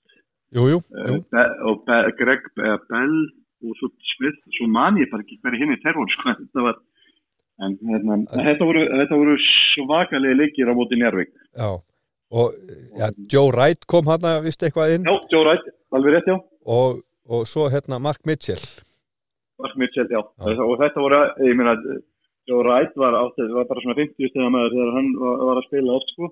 Jú, jú, En, en það sem að gekk vel hjá okkur við, við, við vorum alltaf með hörskulið, ég, Helgi Jónas, Gummi, Marel, veist, það, þetta var alveg hörsku hópur, sko. já, Og, og hérna, áttum bara mikið af vopnum, sko, í, í þessu. Þannig að, og, og ég, þó ég munið ekki nákvæmlega að viti, ég er svona meðalteli, þá hefur ég verið með 16, 18 stig bara allan veturinn, sko. já, En, en, en það kom alltaf leikir sem að skoraði minna og svo meira. akkurat, akkurat En þér, þér líkaði vel í Grindavík Mér líkaði mjög vel í grundaðik. Þetta, þetta var bara geggjað samfélag og, og hérna, pappa hans Helga Jónasar var hérna í stjórn og, og þeir og, og þetta var, og e, e, sko, það var líka mikið æfintýri. Já, þið fóru til Hérna- Svíþjóðar þegar ekki? Jú, fórum til Svíþjóðar og ég brendi af skoti sem að var þryggjastarskot, hefði ég hitt, þá hefðu við farið áfram í úrslit eða sem sagt í, í annar leik í Tyrklandi. Og stjórnin þeir, þeir, þeir sá að ég misti boltan, ég náði ekki skotinu. Já, þá klöppuðu þeir. Já, þeir, þeir, eru aldrei haft efnaði að fara. En, en hérna en við áttum alveg bara þetta var, þetta var, þetta var mjög gott tímabil og ég held og ég sé ekki búin að eh, telja þá held ég að við spilað 15 eða 17 leiki á móti kepplag í öllum keppnum. Í öllu kefnum þannig Já, já, hérna, þannig ég var alveg vannur að, að spila við kepplag sko. já. En ef, við kíkjum og Njarvík líka náttúrulega. Já, já, en ef við förum aðeins hérna í, í hérna byggarúslitin já, að þið hérna mæti keflæki undanflutum og þar er, er, er Frank Búker í banni. Ekki hvernig, hvernig var undirbúningum hátta með, með við það sko, því að Frank Búker hann var nú ekki bara einhver gæði sko. Nei, nei, hann var, hann var skipt okkur miklu máli. Já, það var bara við, það, eins og séu, það, það, það var frikki náttúrulega refur sem þjálfari og, og var, var bara búin að leggja leikin vel upp á móti keflækja ég man ekki hvort þau vinni með tveimur eða þreimur stegum, þetta var mjög tæpu leikur sko. Já, en, en hérna en við þá fengum bara Helgi Jónas og, og, og, þessir sem að, voru svona ekki, ekki aðalbakverðinir sko. Já, eða pointbakverðinir aðeins meira hlutverk og, og hérna skiluði því bara vel. Já, já Ég vinni með þreimstugum, 83-80 83-80, já. Já.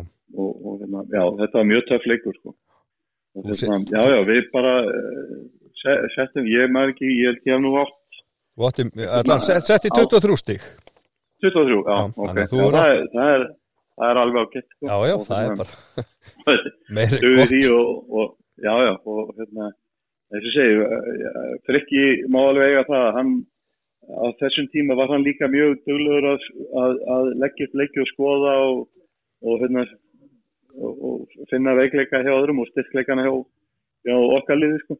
Já, og það var alltaf mjög mjög styrkur að vera með Gumma Braga sem, sem svona aðal sendirinn, hann eh, bæði, bæði öflugur vartamæður, alltaf óbúslega fljótur með að við hæð og hérna, fl- fljótur fram og, og bara hentaði þessum svona stíla körbólta vel sko. Já, það var líka erfitt að, erfitt að blokka, hann var svona spes skot, setti bolta langt aftur fyrir sig.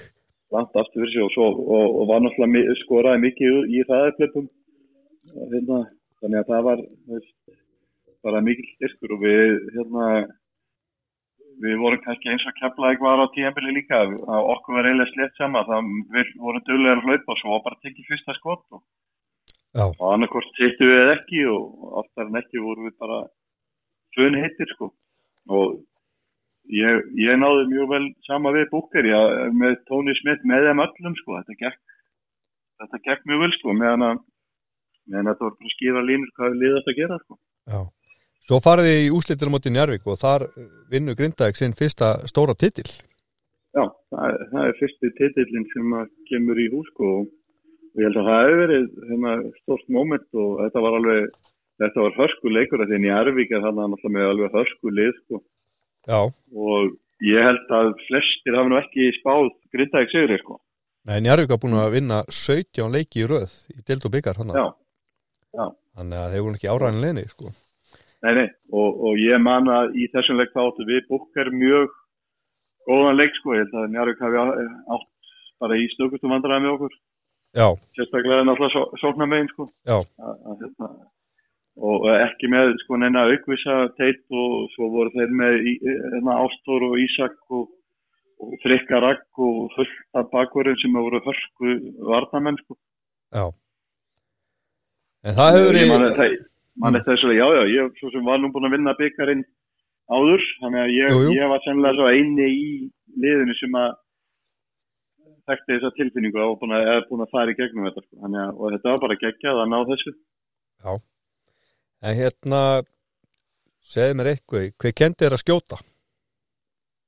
Uh, í, basically ég sjálfur, sko. Já. uh, hérna, ég, ég, ég, að við þetta hérna heima, ég að vísu, ég fór, ég, ég, ég fór sagt í körfubóltabúðir, ég fekk í fermingagjöf. Þá, það, sem sagt, fermingagjöfinni mín var að fara til uh, Pennsylvania í viku í körfubóltabúðir Já, og þar var skottjálfari, ég bara, það er alveg stóli úr mér hvað hann heitir sem að, hérna, kenda okkur að skjóta. Ég lærði mikið á honum, sérstaklega svona hvernig átt að, að, að, að fylgja eftir og vera með uh, rétta handastu og svo líka að nota fæturnar, já, að, vera með stökkur, sko. Þannig að það, það hjálpaði og svo, svo hef, bara var þetta einhvern veginn örgulega svona náttúrulegt, mjög fljótt, sko. Ég, Ég- hvernig maður náði þessu. Þannig að, þannig að ég, hérna, ég var mjög fljótur að finna að, að það skipti máli að stakka nota, nota fæturnar eða þá þurfti maður ekki að vera einn sterkur í höndunum sko. og það kann maður að fara miklu lengra frá heldur en menn heldur sko, að þú veist, þurfti Ég er nefnilega hérna, nú erum við búin að fylgjast með körbólta í nokkur ár. Ég held ég hafi ekki séð mann með eins skotstíl og þú. Það er bara, bara nánast fullkomin.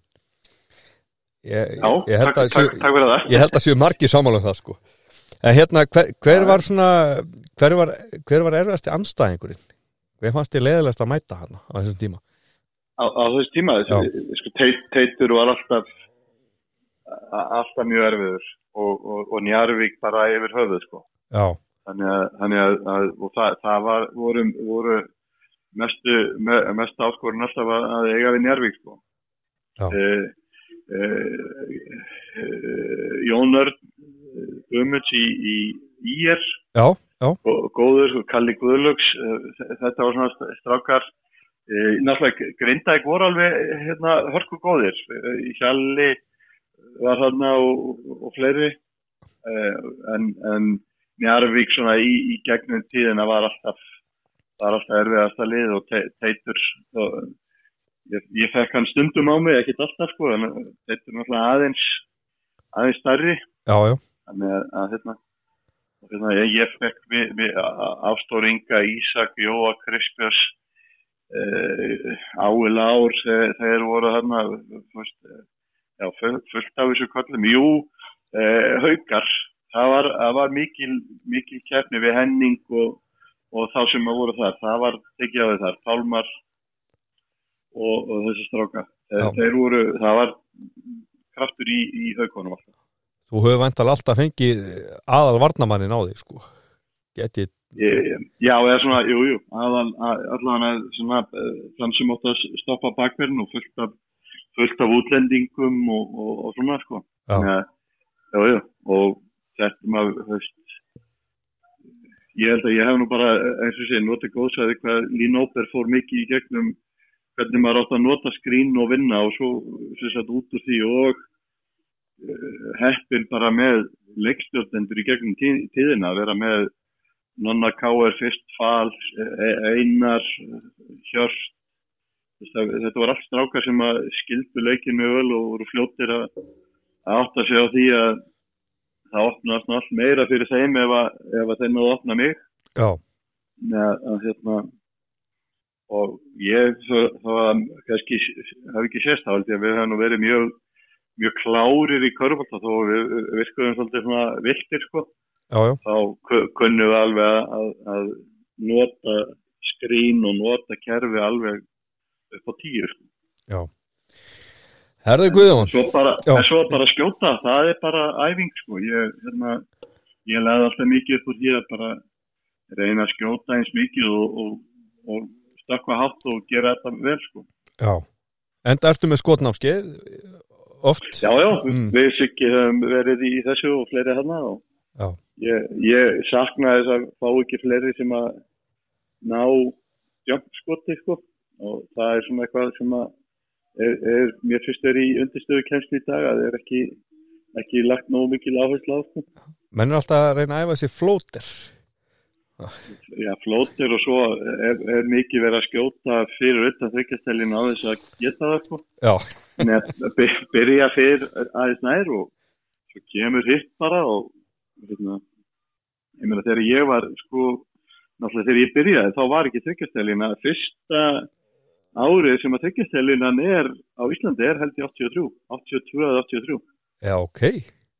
Já, þannig að fram að því var nú ekki þryggjastel skot bara í bóði því að ég fór nú og horfði mikið á Danny Sjás Já, og hann skoraði hérna 60-70 stíði leik og það var allt langt utan að velli en allt sko. já, hann hefur þá verið vantalega bara með 120 í leiklíku eða hvað? Ef hann hefur verið þryggja Já, hefði verið þryggja, þá hefði verið miklu meira sko, þannig að, Já, þannig að þetta, er, þetta er svona en, en nei, ég, hérna, ég, ég bjó lengi að því að vera með gott form og við falur tókum það öruglega öll árið sem við vorum saman í Keflæk að, að það lá lá alltaf konjaksflaska undir uh, í hvort væri með betra, betri prósent í vítum yfir, yfir veturinn sko. Það er mikið metnaði það að, að, að, hérna, að ná að vera yfir 85 og helst 90% í vítum sko. já Hvað hérna, hvor vann oftar? Ég, ég, ég manna nú ekki, ég, ég vil nú menna að ég hef verið að vinna oftar sko, ég man að, að við vorum fann að merkja flöskurnar með, með prósentinni Já, en ég, falur var nú öruglega eitthvað líka sko. já, hérna. Það, og, og það sem að gerði held ég líka keflaðið og okkur að því að, sem að við vorum að það var bara keppni í öllu. Þú veist, ég, við fórum ekkert einu á æfingu bara til þess að hitta upp og skjóta tíu skotum heldur var bara keppni og það hverjir hitt þessum fyrstu tíu skotum. Það, það, var, það var allt keppni og svo komum við menni svo geta Freiriks og af skiptum upp og það, það var aldrei neitt annað en keppni sko. ég man alltaf þegar Fannar Ólafs kom á fyrstu æfingu. Ég, og ég fekk að vera með hann og við fengum að hitta upp saman eða skjóta og áttum að hitta tíu eh, sem sagt, skotum á átta körfur. Og ha- hann var bara sko, gapandi þegar ég hitti kannski 6, 7, 8 skotum í röð. Hann kom ekki bara utan landi og þetta hefði verið svona 40 myndir fyrir hann að klára þetta sko. og ég sagði þú bara þú veist, hér eru við ekki að skjóta bara að skjóta, hér eru við til þess að vinna og við ætlum að hitta úr öllu Já, akkurat. Hann fekk það bara, fekk það bara í aðeins fyrstu og hann sagði, jú, hvað jú, smetnar er þetta? Ég segi, þannig að hér erum við ekki bara, bara að skjóta til að skjóta. Nei. Herra Guðjón, já, takk kærlega fyrir þitt input í hérna tvígrip og þetta tímabil. Hmm. já ég, ég, hérna, já, já, það, hérna, ég, þetta, þetta tímabil held ég hjá Grindavík hafi verið svona til að koma ég veit að var Grindavík búið að vera mjög stert í, í, í körfunni en aldrei náðu þessu skrefi að vinna titil og svo kom Íslands titil þannig árið eftir held ég alveg örglega ég, kem ég kem heim í Keflæk og stóra ástæðan fyrir því að, er að ég sérst að eignast mitt fyrsta batt þá og þá langaði mig að vera nær öllu sko. Akkurat, akkurat hu- hugsanlega þá held ég að Hjörtur hafi farið yfir í Grindavík ef ég maður rétt og þarna en, en ég vil meina það að þarna hafi örglega svona ákveði skrefir tekið og síðan ég man nú ekki er nú búin að vinna held ég hvað þrjá þrýr Íslands titlar allavega já, örglega þrýr þrýr byggar Bikar, já, ekki frá því. Já, við, við eigum nú ennþá sigurinn á þá keflaðið, ég man nú ekki hvað við erum með 8 og, og 7 eða 8 og 8. Já, eitthvað, eitthvað svo leiðis hmm. Herra Gauði, við, við þökkum kærlega fyrir þitt framlag hérna hmm. Það var bara lítið, það Ha. var gaman að heyri ykkur. Sömuleiðisunur Allt í lagi Alright, Já, já, les, best. það er ekki eitthvað gott lag Jú, það ekki, það er ekki svona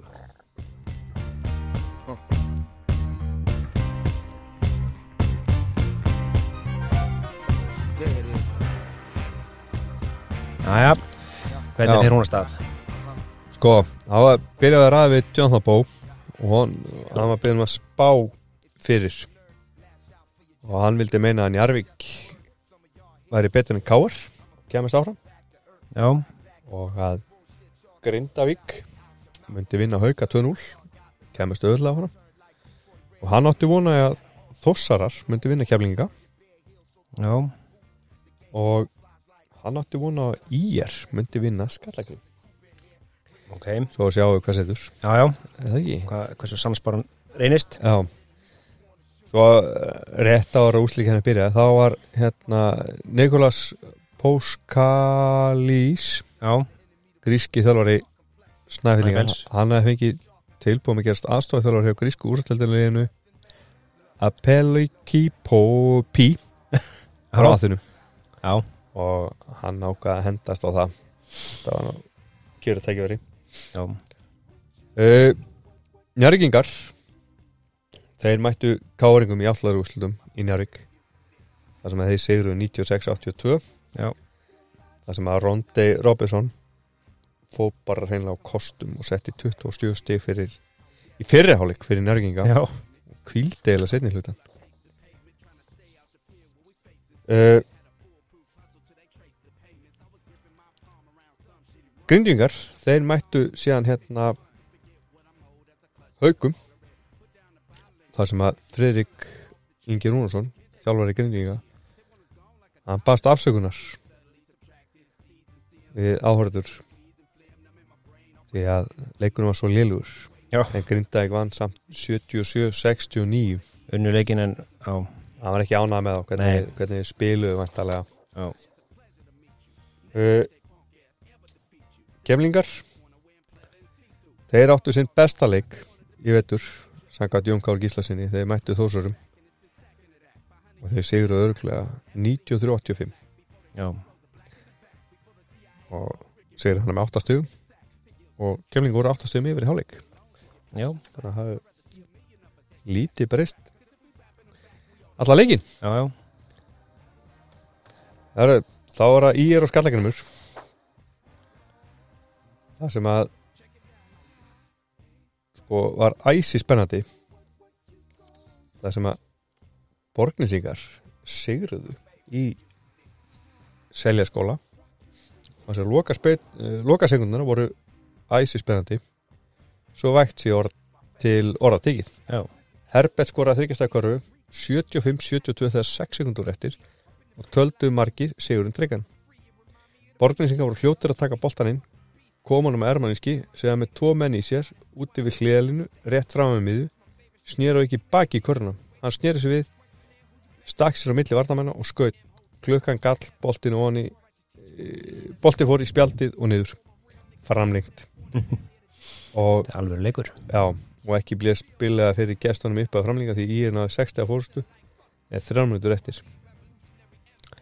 En borgninsingar þeir gáðast ekki upp og komast í 84, 86 eða 13 sekundur eftir og í einhvern tókst ekki að að minka munni eða jafna. Nei. svo komu nú grindingar óvart sko. Já, þeir letu Frank Búker fara. Það er í byrjun Já. Frank Búk er bandarski leikmaður sem hefur leikið með úrstaldalegi grindagur í vetur hefur verið sagt upp störm hjá félaginu og leikagrindingar því útlendingalöysir í dag þegar þeir mæta haugum í hafnaferi í áttali úrslutum Íslandsmótsins. Búker var þriði útlendingur til að leika með liðinu á þessu kjænstjæmbili en áður hefði Tony Smith sem leik með liðinu undirbúinstjæmbilinu og Joe Wright sem leik með þeim í byrjun hætti hjá félaginu. Við erum einfallega ekki sáttu við framistöðu Búkers þá höfum við í stjórninni átt í samskipta örlöku við hann við höfum óskað eftir því að hann uh, kipi ákvöðum hlutum í liðin sem hann gerði ekki og því tók við þessi ákvörðun að láta hann hætta. Við erum óhrættir við það þó úslit kemst í byrjuð en þetta er mjög erfið ákvörðun vegna vegna stöðuleysins en var ekki dregin lengur og við stöndum og föllum með henni segir Guðfunni Friðjónsson stjórnamaður Körnglastildar Grindavíkur. Það er vantalega pappi Helga Jónasar Guðfjörnssonar já, allir það ekki Samkvæmt heimildum Morgunblassis liggja örðuleikanir í því að Frank Búker hefði ekki viljað setjast að í Grindavík þráttur að leildin hefði tekið á leigu íbúð fyrir hann. Já, já, hann keir á milli hann eitthvað og... já. Já, dýristu skógemslu Norðan Alpa eins og gáregan í Grindavík segja. Upp á þeirra má hins vegar rekja til stjörnuleiks KKI sem hún var bannað að leiki vegna bakmeisla en hann var sátt, ósáttu við þá ákvörð þannig að þeir eru að leita nýju manni. Hann hefur alltaf verið spenntur í sjöðunleginum Já. það er meira við. Annað við, já. Erðu, já, þeir voru nú ekki lengi að retta þessu. Næ, og sér nýjan Mark Mitchell hann var mættur. Já, og hérna hann er leikstjórnandi 1.80 hæð, leikum með Pittsburgh í Mandaríkunum, sép í aðeldinni og hann hefði spilað á Philipsi. Kemur beint þaðan þegar umbúrsmaður hringdi í mig og sagði vera með liðhanda mér, heyrðist mér hann segja Írland, leist ágætla á það en hann ítrekkaði að þetta var í Ísland og satt best að segja var ég smeykur um að það er of kalt fyrir mig hér það er ekki alveg sjö gráður hann í, í massa eða hvernig er þetta?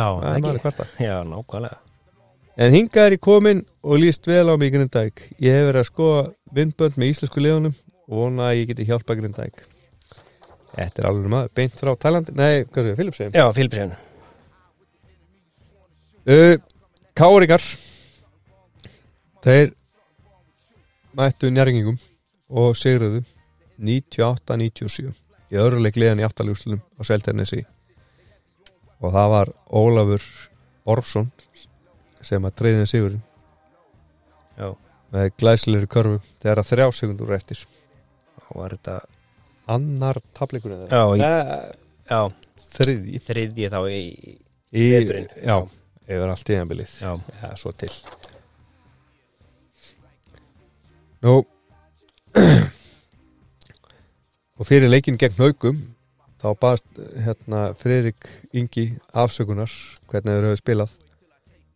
Og hann var smeykur af því að búkerinn væri ekki lengur með. Það var óþar á ykkur Grindavík vann 88 122 og voru grindingar þar með fyrstir til að tryggja sig undarúslin já. Skoruðu hvað, 20 þryggjastekkur í þessum leik? Já, það er ágætt. Það er svona losnar um aðra eftir að búkur fer. Já. eitthvað, eitthvað svoleiðis í gangi. Nú, borginsingar þeir treyðu sér sæti undanslunum eftir æsilega sigur eða glæsilega sigur segi ég, 98-73 og ég veit ekki hvort að þú manst eftir þessu Jói. Veit ekki hversu mikið þú fylgist með. Jú, ég veit hvað þú ert að fara að segja. Það? það er kossið það er fæ kossin, já. En Alexander Ermaninski gerði þrjá þryggjasta körur fyrir skallagrim gegn íri undarslutum og þegar hann skoraði þriðu köruna og 25. stig sitt í leiknum var hann aðleitt úti á vinstri kantunum, fekk langa sendingu fram gaf sér góðan tíma og smelti kossaboltan ára skaut. Og auðvitað hýta Já, Þetta er nú alveg frækt sko. Þetta er ájöði frækt að trið e Svo henni viðtal hérna við Búker Það var nú bara Ég ætla bara að kóta beint í hann. Ég er eðla mjög svektur að hafa látið fara frá Grindavík á þeim fósittu sem gefnar eru. Upp Friðrik Ingi Rúnarsson, þjálfari hefur gefið það, þá skýringu að ég hefur of þreyttur að kera milli Reykjavík og Grindavíkur en ég bý hjá kærs minni Reykjavík og vildi vera þar áfram í staðin fyrir að búa í Grindavík Ég tel þess að keisla milli staða ekki hafa haft áhrif að getum mínu leikjum í æfingum. Það er ímislegt annað nefnt eins og ég hefur á dýr en ég er ekki eini leikmann á laugnum Það er ekki ódýra fyrir gynding að fá nýjan ellenda leikmann segir Frank Búker. Búker var sem kunnugt er rekin fyrir úrstældaliði Grindavíkur á föstudaginn fyrir leikliðsins gegn haugum í úrslutkefni Bróttaristunum kom mjög óvart þar sem Búker hefur verið eitt besti leikmaðalinsins og leik meðal hans frábælega þegar liðið sigur að njari ekki úrslutum byggansins fyrir stuttu en ég verð að taka þessi svo maður ber alls enga kalla til Grindavíkur Þert á móti á ég marga vini í liðinu og ég vonast til þess að þeir standi sem besti úrslutukefni En það er mjög leðilegt að fá ekki að taka þátt í úrslutukefni sem framöndan er, sérstaklega að því mér finnst ég hafa staðið mér vel með liðinu. Nú minn einbættu mér að því að ala upp ungan són minn og taka mér smá frí frá körbálta. Ég veit ekki hvað gerst á næstunni. Ég maður reyna fyrir mér bandaríkjunum í sumar. Hver veit nefnir leiki aftur í Íslandi næsta höst. Það er búker. Það minnist á són. Já, já, Hann er í val núna. Ég jú, jú fakt tjekkaði það. Já, Uh, nú keflingar þeir treyðu sér sæti í undanúrslutum með því að vinna Akureyringa, Þósara á Akureyri 96-82 Já. og okkar maður Sigur Ingi Mendarsson hann sagði bara við erum eitthvað betri. Já. Við verðum bara að taka því. Já, við trúum honum. Og næst var hann Njárvík og Káer ég er alveg í skíunum með okkar leik. Við spilum alveg frábælega ég átti aldrei vona að þetta er svona auðvelt. Þetta var fyrst og hennast vörnin. Þeir átti aldrei möguleika. Borgninsinga vera erfir í undanslum og ég á vona fimmleiki við og segi Valur Ingi Myndarsson þjálfar og leikmann Njárvíkum eftir auðvelda sigur á Káer í óttaleik liðana í áttaleg úrslutum í gær. 89-72 er það gengið frá þeim bara? Já, Nú Það var þess að þá að, að hérna, Njarvík og Skallagrimur þeir myndu mætast og Grindavík og Keflavík annars vegar. Og Njarvík átti heimaðallaréttin og Grindavík í hinni við regnum já það byrja nú ekki gæfulega sko. Já, Skallagrimsmenn þeir snjöðu við í Melasveit. Því að færðin var orðin óbærileg. Þannig að þeir bara snjöðu við og heldur stutt Já, já, og leiknum frestað. Já. en það kom nú ekki að söka daginn eftir þá voru þið mættir í lónagrifina og það sem er nörginn gengur frá þeim 82 67 já, það var eitthvað illið á greinlega sko. Já, uh, í Grindavík mættust síðan Grindavík Keflavík. Og það er unni Grindvíkar nauma sigur Keflingum. Og henni unni sem 74-71 mikið lætur í lokin er Jón Kári Gíslason skoraði þryggjasta körfu og Keflingu held að framlíking var í höfn. Dómarinn dæmdi hins vegar körna ógilda og heimaminn sigruðu Þetta var ekkert annað en karfa. Leiktími var ekki búinn því í sletti bóltanum sem Jón Kári eftir leikin Ég man eftir þessu. Já, Það var Kitt Albers sem dæmdi þetta. Já, eh, Dæmdi ekki. Dæmdi ekki. Og Það var talfrætt rita og rætt um þessa körfu já, sem ekki var dæmgild og sá miskilningu hefur verið uppi að eftirlismæður leiksins Pétur Rapp Sigursson hafði úrskar að leiktím hefur rinn út þegar Jón Káður skaut starf eftirlismanns er að fylgjast með að allt sé að leiða rittarbrunnu en ekki að segja dómarum fyrir verkum. Hann getur sagt dómarum sitt álit leiti dómara eftir því en það er áallt dómari sem verður að taka ákvörna og Kristinn Albersson gerði þessu tilviki ekki eftirlismæðurinn já Þetta er En- skiptur náttúrulega máli Þetta er På sigur eða ekki, sko. Mér langar að segja hann við kíkt í skjáin Skjáin, já. Man ekki betur. Nei. Uh, Keflavík mætti síðan Grindavík í Keflavík. Þar sem þeir unnu 90-89 þar sem að Kristján okkur Guðlaugsson bara góðu félag okkar. Já, já. Hann treyði þeim sigurinn. Og Vítum vítum í lokin. hann uh, stóð fyrir sínu eins og vennilega bara. Já, já, þetta var Þetta eru allt hörkuleikir hérna Nefna kannski fyrsti leikurinn hjá Njörvík já. Þannig að, já. Uh, síðan mættust Skallagrimur og Njarvík í Borganesi það sem að uh, Njarvík vann 79-80 en loka kaplinn var ræsupennandi og Skall Skallagrimur væga sagt nálætti að sigra. Þegar skamt var til leikslo- leiksloka hafði Skallagrimur yfir 78-73 Teitur skoraði tvær körru með nokkra segundar millibili. Greta Guðlúksson fekk síðan fjögur vítaskott hitta hann svo einu á loka segundunum hittur eins og einu og á loka sekundum treyði Friðrik Ragnarsson njárgingum, dýrimata sigur með glæsilega þryggjastöðkvöru Þetta hefur hörkuleikur. Já, hörkuleikur. Tróðfyllt hús í hérna. Já, Stendur?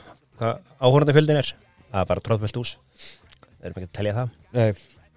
Síðan skaut, ég ætlaði að skauta henni inn að breiðablík treyði sér sett í úrastildinni og þú sér myndina hana.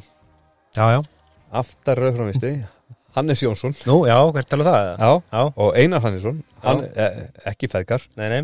Hannes Jónsson er núna formar KKI Já, og Einar Hannesson hann starfaði nú lengi vel hérna í fyrir körunni keflæk já, og síðan er lukkutröllið. Jú, jú. Sérðu hvað það er? Já, já, já. Hann Hver er er, það? hann er núna út í Þýrskalandi hann er í Þýskalandi.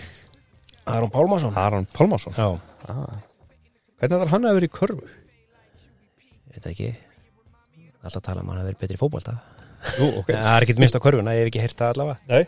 Það hlýtur að þetta ekki bara al, allega íþróttamæður Jú, Alveg sama maður- hvað hann tekið sér frendur og eru góður í því. Hann er góður í það. Herru, síðan var það þriði leikurinn hjá Grindavík og Keflæk og þar komu keflingar óvart og unnu samfærætti 98-80 Já, í Grindavík.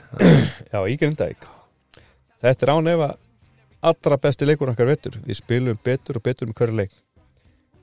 Við stóðum okkur kannski ekki eins og skildi í deildri vettur og fólk býst við ekki neina á okkur. Við erum með mikla reynslu kalla í liðinu sem drífa ungu strákan áfram.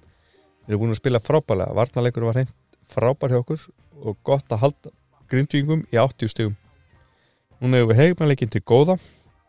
Og verðum að vinna hann því ef við vinnum hann ekki er í vondum málum, segir Jón Guðmundsson listjóri keflinga og Friðrik Ingi, hann var ekki einskátur Nei, ég veit hreinlega eðlilega. Ég, ég veit hreinlega ekki hvað gerist þarna í fyrirháleik við fengum ekkert. Öll vafatir dæm keflingum í vil.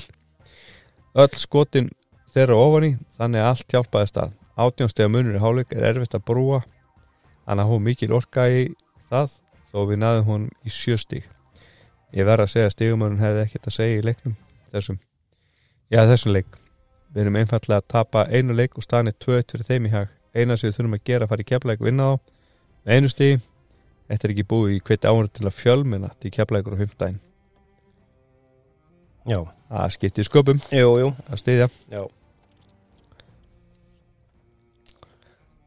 Herru, þá er það Njarvík og Borgarnes þau mættust í Njarvíkunum þar sem að Valur að vera í sjönda heimni með þessu úslit því Borgarnesingar líkur sérstaklega vel í kvöld bæði vörn og svo, við erum að taka öllu þessu áttum til að knýja fram sigurinn. Leika fyrir þeirra hefnaðist nánast fullkonlega þegar réður hraðanum og varnarleikurinn þeirra var mjög góð, segir Valur Ingi Myndarsson, þjálfari og leikmaður Njarvíkur eftir að liðið uh, hafið sigrað skallakrim 83-79 framlýttu leik í lónagrifinni og þegar staðan var 68-68 og um mínúta eftir fengu þeir færi tíkang eða mistóst já, Sókn njárginga mistóst og þeir brutt á Gretari Guðlussoni fekk tvö vítaskot þegar 0,8 sekundur eftir. Hann hittur öðru skotinu 69 68 og njárginga brunu upp broti og rafa lingimöndarsinn sem fekk tvö vítaskot og hefði getið gert úr leikin. Fyrra skoti mistóst en setna fór rétt að leið og leikti mér hann út. Og njárvíkingar þeir hófu bara framlinguna miklu kraft og settu áttast í röð.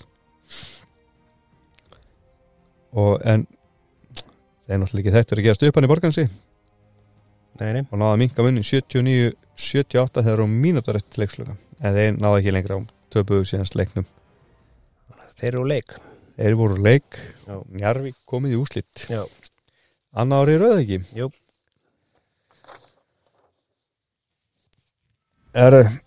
Það er ekki öll sagan sögum með Frank Búker Nei, þetta er, já. Eftir stórsögu keflinga í þriða undanúslalefni í Körbólta sem fann frá í Grindavík í fyrrakvöld komið sá kvittur á Kreik að Frank Búke sem var reykjum frá Grindavík eftir fyrsta leik í úslikefni hefði látið Jón Kári Gíslason, þjálfara keflinga hafa öll leikkerri Grindavíkulísins Það þarf enga Búker til að hjálpa mér að finna leikkerri þeirra. Það hefur enginn haft samband um mig og það kemur óvart að við séum að spila mjög góðan varnarleik. Vil ég benda á að við eigum átta leikjum í grindækuleginu á myndböndum sem ég skoða ítalega sem Jón Káver Gíslason. Ég hef heyrt þetta og ég hef ekki ef ekki að Jón kunnu öll okkar leikjari búkir geti hins vegar hafa bent honum á einhverja punta sem Jón hafi yfirsest ef þetta er rétt ef þetta er leðendamál búkir er búin að, búin að segja að honum ber enga að kalla til grindækulegsins þá er svo orður, orðurum er uppi. Hann hafi sagt liðsturinn kemleikum allt um okkar ellenda leikmann sagði Friðrik Ingi Rúnarsson. Búke svaraði sko, ég vísi þessu sögursögnum algjörl og bug, þetta er tóm vitlisa ég er aðtunum hann í greinu og myndi aldrei gera svona lagað ég hafa marga góða félag í grindækuleginu og Jón Kár þarf ekki á mér að halda. Enda á að mymbunda leikliðsins það er mjög leiðir til að svona kjafta sagði þeirra á kreik sagði Frank Búker. Það er mjög spes. Já, þetta er spes. Væntalega einhver Eitthvað kjaftaði bara. Já. Það eru svo mættus keflingar og grindvíkar í keflavík. Já. og það sem að grindavík sýrðaði 82-96 það er komist í gang þryggjastæðskiptu hjá þeim og náði 14 14 steg fórskoti okkur tókst að spila betri varnarleiki síðarháleik en það voru mikill bil Þetta er það sem við erum búin að segja alla kemna við verðum að stöða þryggjastæðskiptunar ef það komast í gang er þið mjög erfir sóknarleikur okkar hefur ekki verið eins einbettur ef okkur gengur ekki nóg vel í vörninni það er eitt leikur eftir og við verðum að mæta með því hugafari að dögu að drepast segir Jón K.R. Gíslason eftir leikin Já. og það er ótt að segja að Guðjón Skúlason hafi tekið í sama streng því að það er bara dögu að drepast fyrir okkur í þessu leik Jú, jú, þannig að og hann segir að þeir hafa farið að spila saman sér lið Já, uh, Henning Henningsson. Hann ákvaði að yfirgefa borgninsinga og setjast á skólabekk í Danmörku.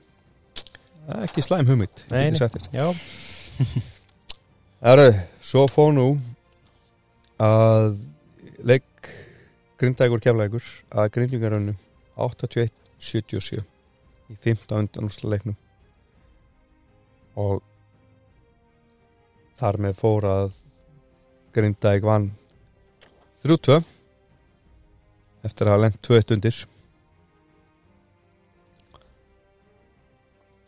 Og mæta því Njarvík í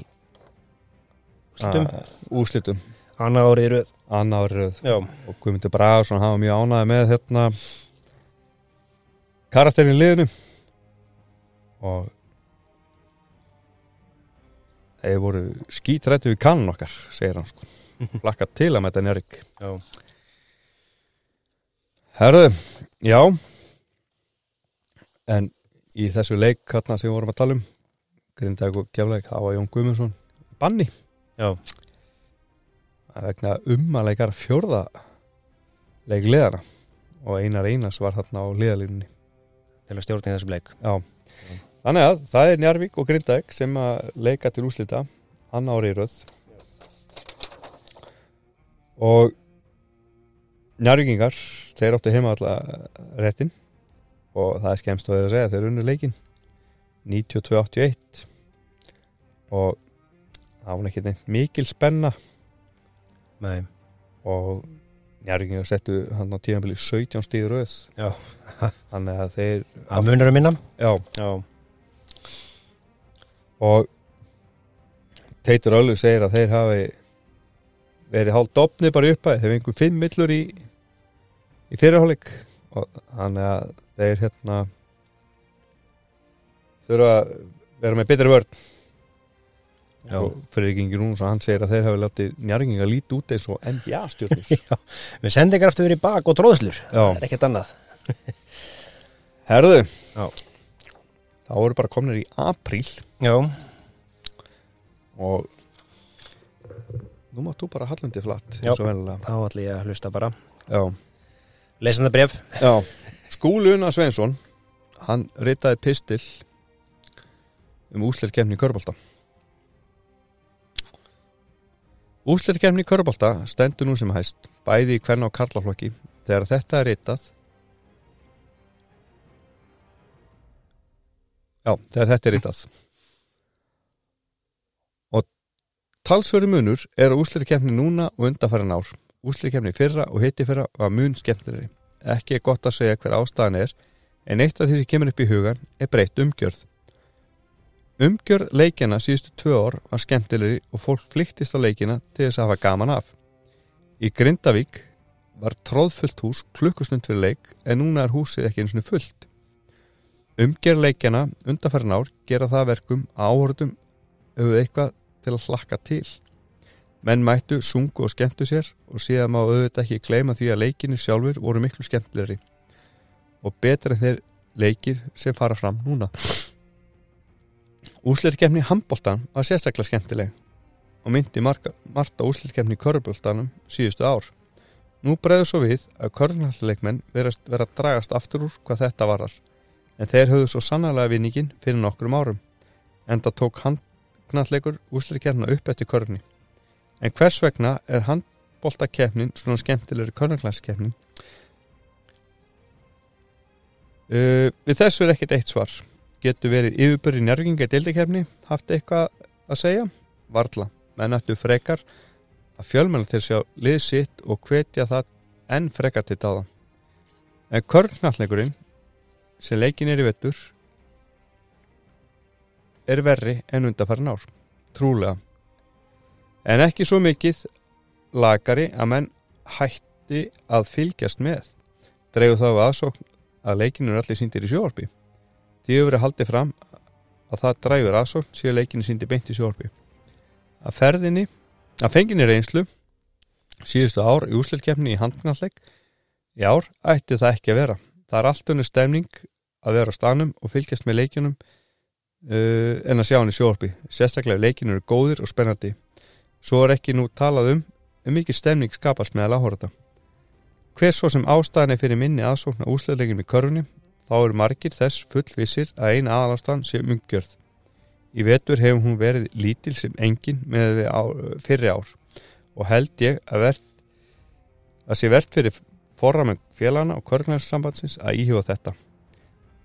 Það þarf að gera eitthvað fyrir áhördur til að þeir komi á leiki, sérstaklega nú á síðari árum þegar ímislegt annað fangar huga manna. Það er ekki hægt að loka augunum fyrir því að fjölgað hefur leikið með úrslikefni þannig að kostnaður áhorta hefur aukist verulega við að fara á alla leikina. Og undir þetta skrifar skúli Unna Sveinsson. Já, hann er ekki blamað hjá morgablæðinu jú, minni það Hann er svona bara benda á það kannski að sé ekki fullt allstaðar og ekki samastemning en svo má náttúrulega alveg taka undir þetta.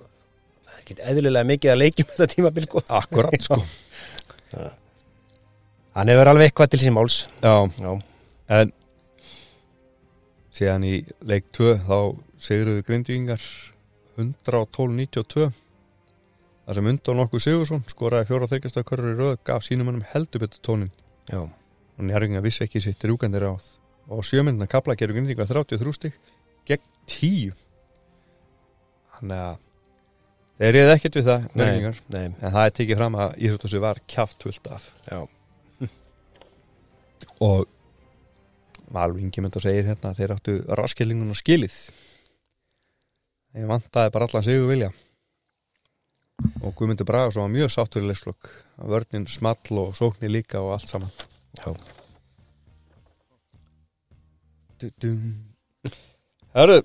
þá erum mættir í Grindavíkina. Nei, í Nei. Njarvík. Njarvík, Njarvík, Njarvík, fyrir ekki. Leikur þrjú eða ekki? Leikur þrjú. Já, og þar unnu Njargingar Sigur 197 og þeir byrjuðu leikið mjög vel en grindingar voru fljótari í afna og náðu síðan yfirhundinni þegar staðan var 21-27 eftir rúmar 8 myndur þá fóru Njargingar í gang svo ummunnaði gerðu 19 gegn 2 bara eittu stöðin í 40-29 og 5 minútum leikkapla Njargingar heldur upptöknum að hættu og höfðu yfir bara fórskott í háleik 62-38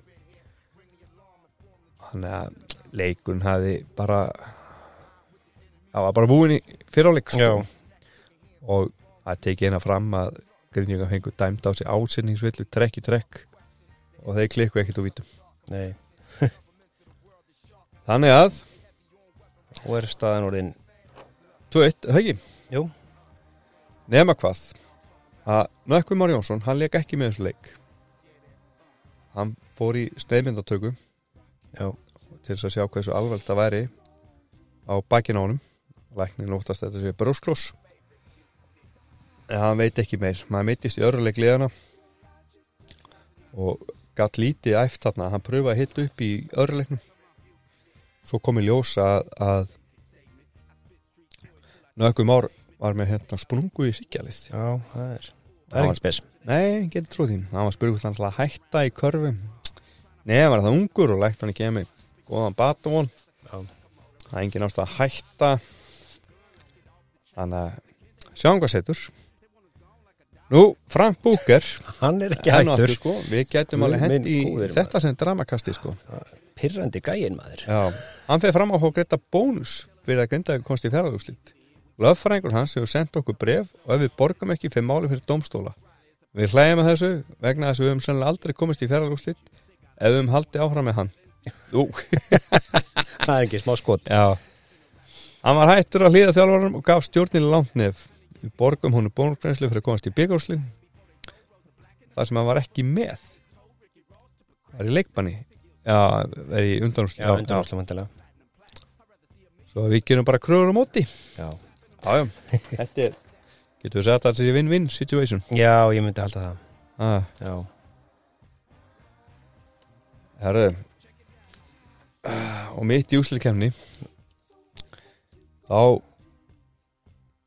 Var Hérna áhugi fyrir að endur á Jón Kári Gíslason. Hann var búin að þjálfa liði hana Fimm ár. Og, En Jón viðkendi að það varu Tvölið þegar búin að hafa samband við hann. Og eftir heimildu djefa farða haukar og akranis En Jón segir hérna Ég er tilbúin að halda áfram að þjálfa keflaðik Ég verð að vita hver hverju stjórnin er að velta fyrir sér og meta stöðun út frá því. Við munum setjast niður ræðamálin. Ef það verður ofan að ég haldi áfram með liði er tímabært eftir allan hann tíma að fá tilbreytningu á æfingar og þjálfunina. Ég mun fara utan og fá nýja hugmyndir og gera breytingar á pakkanum, segir Jón Kár Gíslason.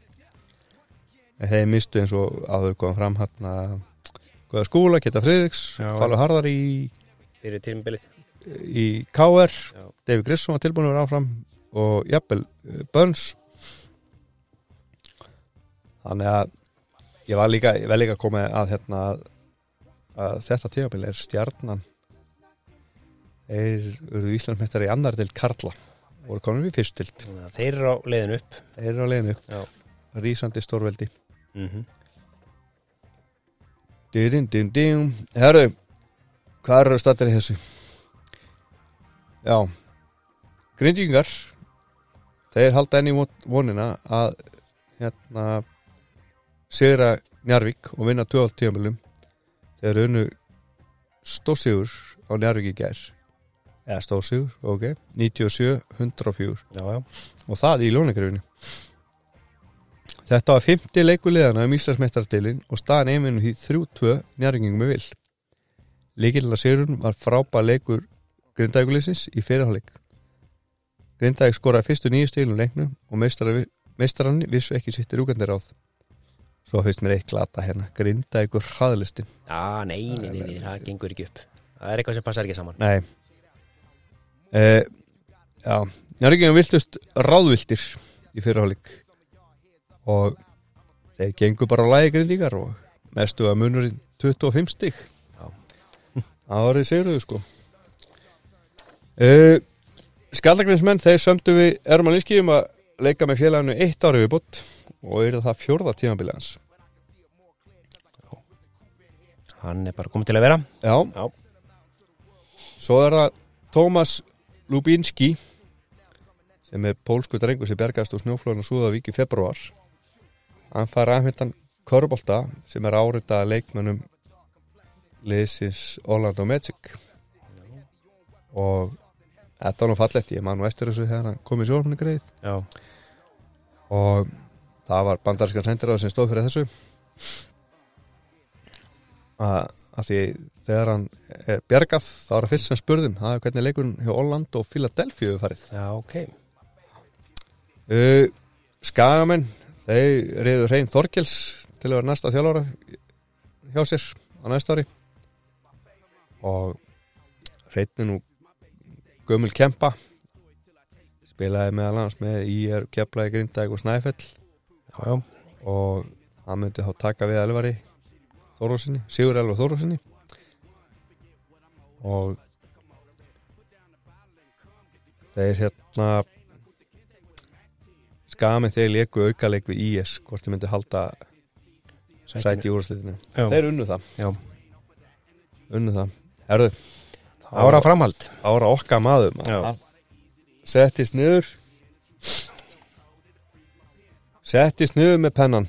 Já, það er Guðni nokkur Ölversson jú, jú. Og hann er að svara hérna greinin hjá nú skúla sem ég las á hann. Já, það sem að var að setja út á eitthvað lélegt Já. umhverfi í körfunni. Og hann segir hérna skúli bendir réttilega á að handbóltamennin hafa tekið upp sama fyrirkomna í úsleikefni sinni nú og KKI hefur viðhaft í allmörg ár í úsleikefni sinni.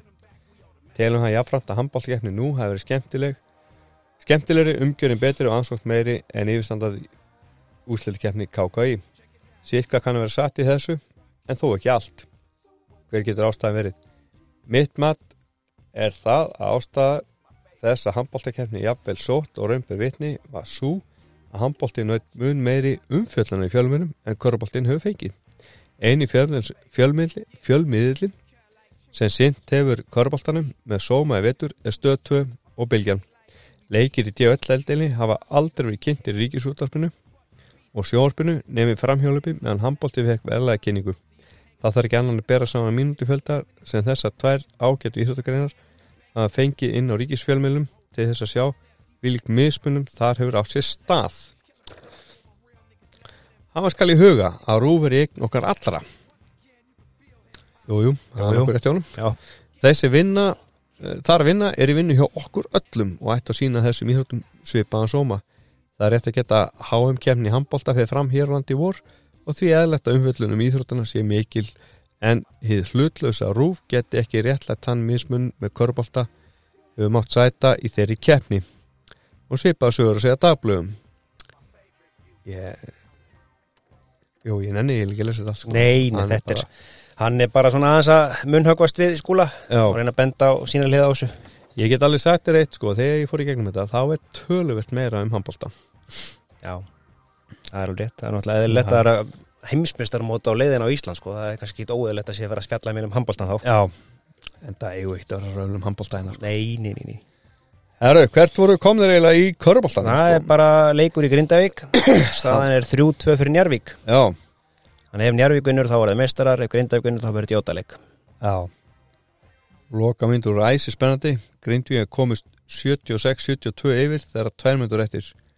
Marel, Guðlöksson sem leikið hafi vel í sókn mistóst að skora á nokkrum þryggjastæðskotum auk þess sem hann hitt ekki í upplöðu færi þar sem hann var komin undir korfuna þegar 42 sekundur eftir minkaði Valur Ingemyndarsson mun með þryggjastæða korfu 76-75 Mark Mitchell kom heimumunum aftur þreim stöðum yfir með tveim vítaskotum eða 32 sekundur eftir 78-75 þegar 12 sekundur eftir jafnaði teitur með þryggjastöða korfu utan að kanti. Það er nokkuð vel gert maður. Já. Uh, Aðrættan þessari körfu teits er merkilegur. Járvingar voru þreim stöðum undir og örðu því að gera þryggjastöða körfu. Fiskaut Jóhannes en hitt ekki. Hann gerði svo lítið fyrir og tók sjálfu frákasti Sóknarfrákast nummer 11 Valur fekk boltan fyrir þetta þryggjastega línu skaut en hitt ekki en Rondi tók frákastið. Sóknarfrákast nummer 2 Rondi fór þetta í hot reyndi þryggjastega skot hann hitt ekki. Og það sá teitu með nokkur fyrirvara kom sér vel undir körfunni tók frákastið. Sóknarfrákast nummer 3 þetta var auðvitað gríðalega þúnt þetta vegur auðvitað gríðilega þungt. Grindjungar áttu auðvitað ekki að láta njarginga taka þrjú sóknarsfrákast í einu sömu sókni Teitur hafið hæglega geta lagt boltan í körn og minga munni í stig nei, hann let það ekki. Næja, heldur fór út í horn með boltan, þótti skjóta hætti við, fór svo upp og skaut án þess að Guðjón Skúlusson næði að trubla hann nægilega. Skoti fór beint niður í körfuna og þar með or orði jæmt 78-77 Grindinga fóru sókt þegar tvær skutur eftir þá skaut Pétur Guðmundsson en hitt ekki. Mara tók frákastið alveg til körfunni og skaut. Rondi reyndi að verja skotið en niður fór bolti. Nú tók við nokkur reykistefna þar sem dómari Kristinn Albertsson mm -hmm, þurfti að gera upp hugsin var tíminn búinn á að maður slefti knettinum eða karvan löguleg. Kristinn sögðu körfuna ekki góða og því þetta framlíking. Hann er nú bara með doktorsprófi í þessu. Eða ekki? Þetta er búið að vera gegnum gangandi allt hann. Og þegar, ein mínúta var eftir að framlingin höfðu hvort stig hvort lið gert tvö stig og Jón Skripsson fekk 50 villu sína. Guðmundur Bragarsson skoraði síðan úr einu vítaskoti 81-80 Rondi konni Arvi Geifir 81-82 Pétur kom heim um einu stigir með óvendu lang, langskoti 83-82 og framlingingin nákvæmlega hálnuð Rondi skora úr einu víti og teitu bættu við þryggjastakörfu 83, 86 og 1.40 eftir þegar Mitchell uh, reyndi þryggjastega skot sem mistfóst, teitu bruna fram fekk langa sendingu Mitchell brauta honum og fekk þar með sína 50 villu. Allt þetta gerist á 10 sekundum. Teitu skora á öðru vítunum 83, 87, 1.30 eftir. Guðjón gerir tvö stig Rondi svaraði hinum einn og Pétur hitti síðan úr öðru vítaskoti sínu. Staðan 86, 89 þegar 27,7 sekundur eftir. Broti var á Ísaki Tómasinni þegar 17 sekundur eftir og honu brást ekki bólinn setti bæði vítaskoti niður og treyði þar með nýjaringingum Íslandsmeistarartitilin Já. Og Rondi átti síðan síðast orðið fekk boltan fram og tróð með stæl og fagnaði ógulega Já Alveg verið lok og alveg verið leik. Já. og bara lungu móti. Já. Þannig að og það er kannski ágætt að fóra Ísak Tómasson gerði þessi tvöðst vítaskott réttur leikslokk þetta voru síðustu tvö stig hans hann er hættur, segir hann hérna. Já. Og við vinna þetta nokkur sinnum. Já. Nú menn fóru hérna strax eftir leikin bara að hérna mikla líkur á rondi er áfram. Þó hann vildi reyna hérna vildi reyna hérna fyrir sig ellendis einn eða teitur öll svo náttúrulega ég að byrja að fara eitthvað annað. En það var náttúrulega ekkert komið á reynd sko. Nei. Og dómarinn, það er eitthvað að að hvart hefur hún að kitta sko. Að hann Já. hafi ekki dæmt köruna hjá Jónu Káir gilda hérna undanslunum og síðan hjá hann Marl Já,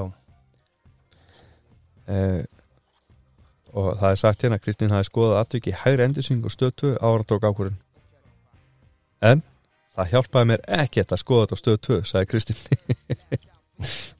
Já, já, já, já.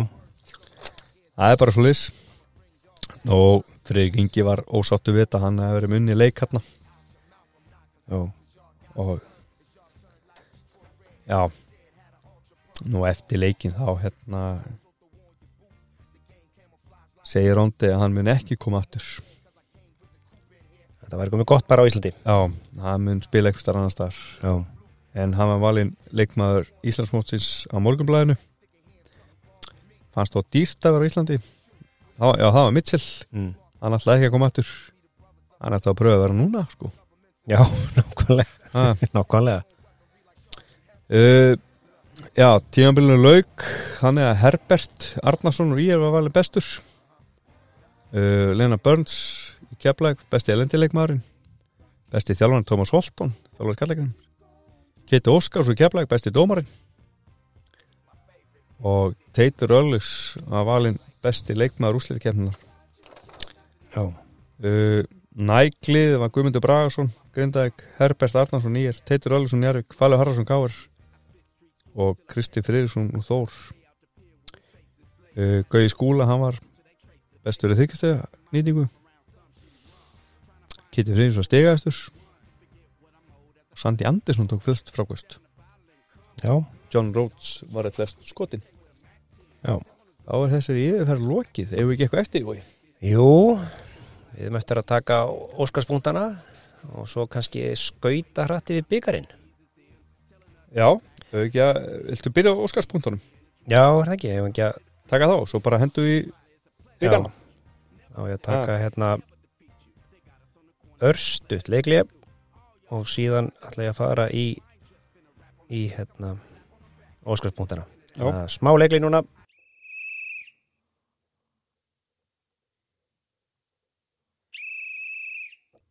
Já, já, herruði, þá ætlum við að skella ykkur í óskarspunktana. Já, og þá ætlum við að fá okkur hérna eitthvað svona. Þetta stefundir, þetta er hans stef þannig að hann, sendir okkur alltaf mjög mikið þannig að ég ætla að skauta svona yfir nokkra hluti frá honum. Ok, byrjum með því að Kristinn Geir Friðriksson, Kitty Friðriks hann skoraði 868 stig í deildinni sem er það mesta sem íslenskur leikmaður hefur skorað á einu tímabili í sögu úrslutakemnar sögu úrslutakemnar það lítur að vera í deildin eða ekki? Jó Kristi skoraði þessi stíg, jú, þessi stíg í 32 leikjum og var því með 27,1 stíg að miðaltali. Það er náttúrulega á þessu tímbili þá er þetta náttúrulega lengra og þá Já. eru menn að skora meira og senda fleiri stóðsningar og annað slíkt sko. Fyrirleikir Já. Eh, Herbert Arnason hann skoraði 26,9 stíg að meðaltali í deildinni og hann bætir því með Eyjól Sverrissonar sem hafði skorað 24,2 stíg í leik með tindastól og þá erum við að tala um þegar þeir eru á sínu fyrsta tímabil deildinni. Já, Þannig að hann er, hann er á sínu fyrsta hatt Já, hann er sínu fyrsta þarna. Uh, John Rhodes, hann tók 219 sókna frá góðstu tímbilinu uh, Svo kemur svolítið skrítus eða svolítið skemmtilegt. Uh, Óskar er alltaf velta skrítinu hlutu vilja sér. Hann klikkaði á 172 skotum utan að velli og hann klikkaði líka á 55 vítum allt tímabilið Hann var því aðeins átta frákastum frá því að taka eitt sóknafrákast fyrir hvert misemnað skot hjá sér Já, Já. Herru, Tómas Holtón hjá Skallagrím, hann gaf flestar stóðsendingar. Hann gaf átta fleiri stóðsendingar en Jón Káur Gíslason, kefliðingur. Og hann var því fyrstur til að vinna Jón Káur í baróttum stóðsendingatitil síðan að farið var að taka saman stóðsendingar. ok Já, hann að Jón var búin að vinna þetta síðustu fimm ári dildinni. Uh, og þess að geta Jónardar Ingvason, hann gaf samt flesta stóðsendingar einum leik. Hann gaf 16 stóðsendingar í Sigri Hauga á Snæfell í byrjun desember. Já, Já. Rondi Róbesson skoraði 60 stig, við myndust á það áðan þegar Njarvík vann Snæfell 114-79 í ljónagreifinni hann hitti úr 25 að 29 skotu sínum það merkilega er hann tók ekki einustu tryggistæðskot hann sérst, já, skoraði bara eini tegi eða vítum og hann er bara einn af sex sem hafa skorað 60 stig í einum leik í sögu úrvæðsildarinnar svo er það Kitty Friðriks aftur. Hann var sérst, upp á sliða hans er líklegast Akarnes að spila móti. Hann skoraði 11 þrista fyrir Þórum móti í upp á Skaga. Þar hann 45 stig. Hann skoraði 9 þrista fyrir Þórum móti Skaga á móti Akarnesi á Akureyri. Þar skoraði hann 49 stig og það er ótt að segja að Skagamenn hafa ekki ráði við hann en í þessum tveimur leikjum á móti í þá var Kristi með samtals 94 stig og 20 þryggistækurur já, þeir ríðu illa við hann Já, það er alltaf leið Já, það er að alls náðu fimm íslenski leikmenn að skora 40 stug eða meira. Það var Kitty Friðriks fyrir Þór, Herbert Arnason, Falur Harðarsson fyrir Káer, Henning Freyr Henningsson fyrir Skallagrím og Teitur Aulusson fyrir Njarvík. Falur skoraði þessi 45 stig, hann skoraði fyrir Káer móti Njarvík í Ljónagrifinu sem er það næst mesta sem íslensku leikmaður hefur skorað fyrir Káer í einum úrstættileik. Guðni Guðunason skoraði 48 stig á móti haugum 1987, hann á meti fyrir KR. Já, Þannig að við látum þetta bara dug og þökkum Óskari kellaði fyrir þetta já, Þannig að það er reynda margt annað sem að sendi sem er búið að koma fram í þætturum og við erum ekki. að þylja það aftur upp nei. Erum við að, að taka byggarinn hérna á handahlöpum? Já, tökum skautum yfir hann Þú svona, Já, við ætlum þetta að ekki að fellum Európakefna það tekur ekki, eða landslið. Ákveðum að kauta það út. En hérna já, 16. úrslitin það var svona nánast allt eftir bókinni nema hvað að Ía sigraði IR getur sagt að það hefur óvænt, á, með óvænt. gengið hjá IR, þeir voru helviti sterkir hana Já og í áttalega úrslitum þá sigraði Njárvík Ía Keflæk sigraði Tindastól Grindavík sigraði Þóra Akureyri og Haukar unnu Val.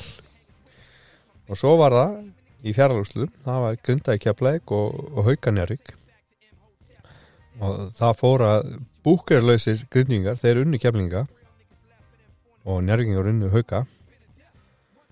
Og í úslita leiknum móti sérsagt Grindavík Njárvík þar áttu þeir félagar Búker og Guðjón Skúlason stórleik og sem leiti til þess að Grindvíkar unnu sinn fyrsta stóra titil í körgnalleik Já. Það hérna kom svolítið óvart sko. Reikniður náttúrulega byggla flesti með að Njárvík myndi vinna. Já, þetta var sérsagt uh, Njárvík var búin að vinna 17 leikiröð þegar þessu leik kom Já. í Deldubikar Herru, já, jú, ef við ekki að heyra þessi val yngjumynda þjálfara Njárvíkur þetta tímabil? Er það ekki alveg kjörið? Ég held að við bara Bjallað á hann.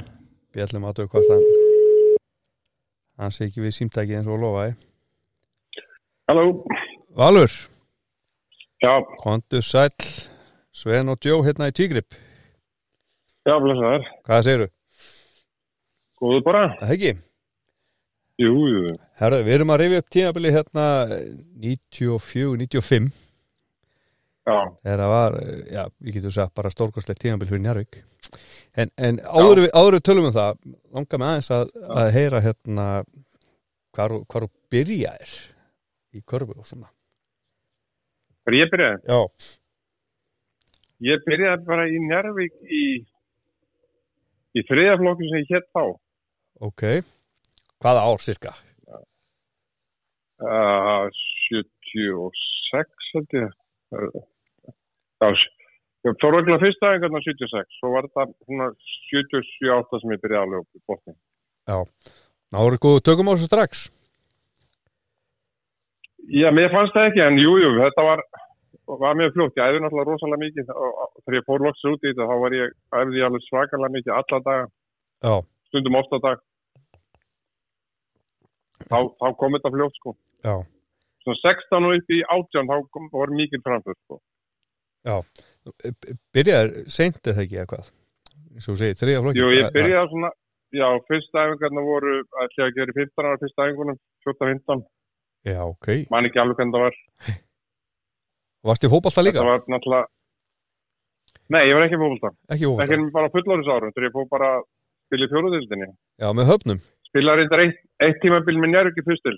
Já hmm. og þá getur ég meitti mig þess að meittist bara um mitt sömar eitthvað leðis Já, og hérna sparka jörðina var alltaf til að gefa bóltan á ekki að gera það á að skjóta ekki Nei, ég, aldrei, ég kann það, ég hef aldrei kunnað það En herðu, já, og hvernig, hvernig gekk? Var, voru, voru þið góður hérna í nærgunum? Í fólkvöldanum, Nei, í körunni, körunni nei, körfinni, þetta var nei, yngir flokkinn sem ég spilaði með minn aldur var ekki góður en aftur móti voru við nokkuð sterkir í ári eldri. Þar voru þar voru við að með minn Íslands, Íslandsmestrar eða hvort það var ein og tveimur árum eldri. Já, í öðrum flokki sagt, eins og úlingaflokkur er í dag. Já, lík, líklegt eða eins og drengjaflokkur í dag, ég mann ekki alveg hvort það er, hvernig er. Það er. Nú reglulega verið að breyta þessu einhvern veginn En Já, er alltaf að breyta, ætla að sé ekki úlingaflokkur. já. En hérna hvenær ertu svona að komast inn í mestarflokk? Ég er með, sko, aðeins í tímabilið 79-80 þá er ég aðeins með, Já, en spilaði ekkert. Já.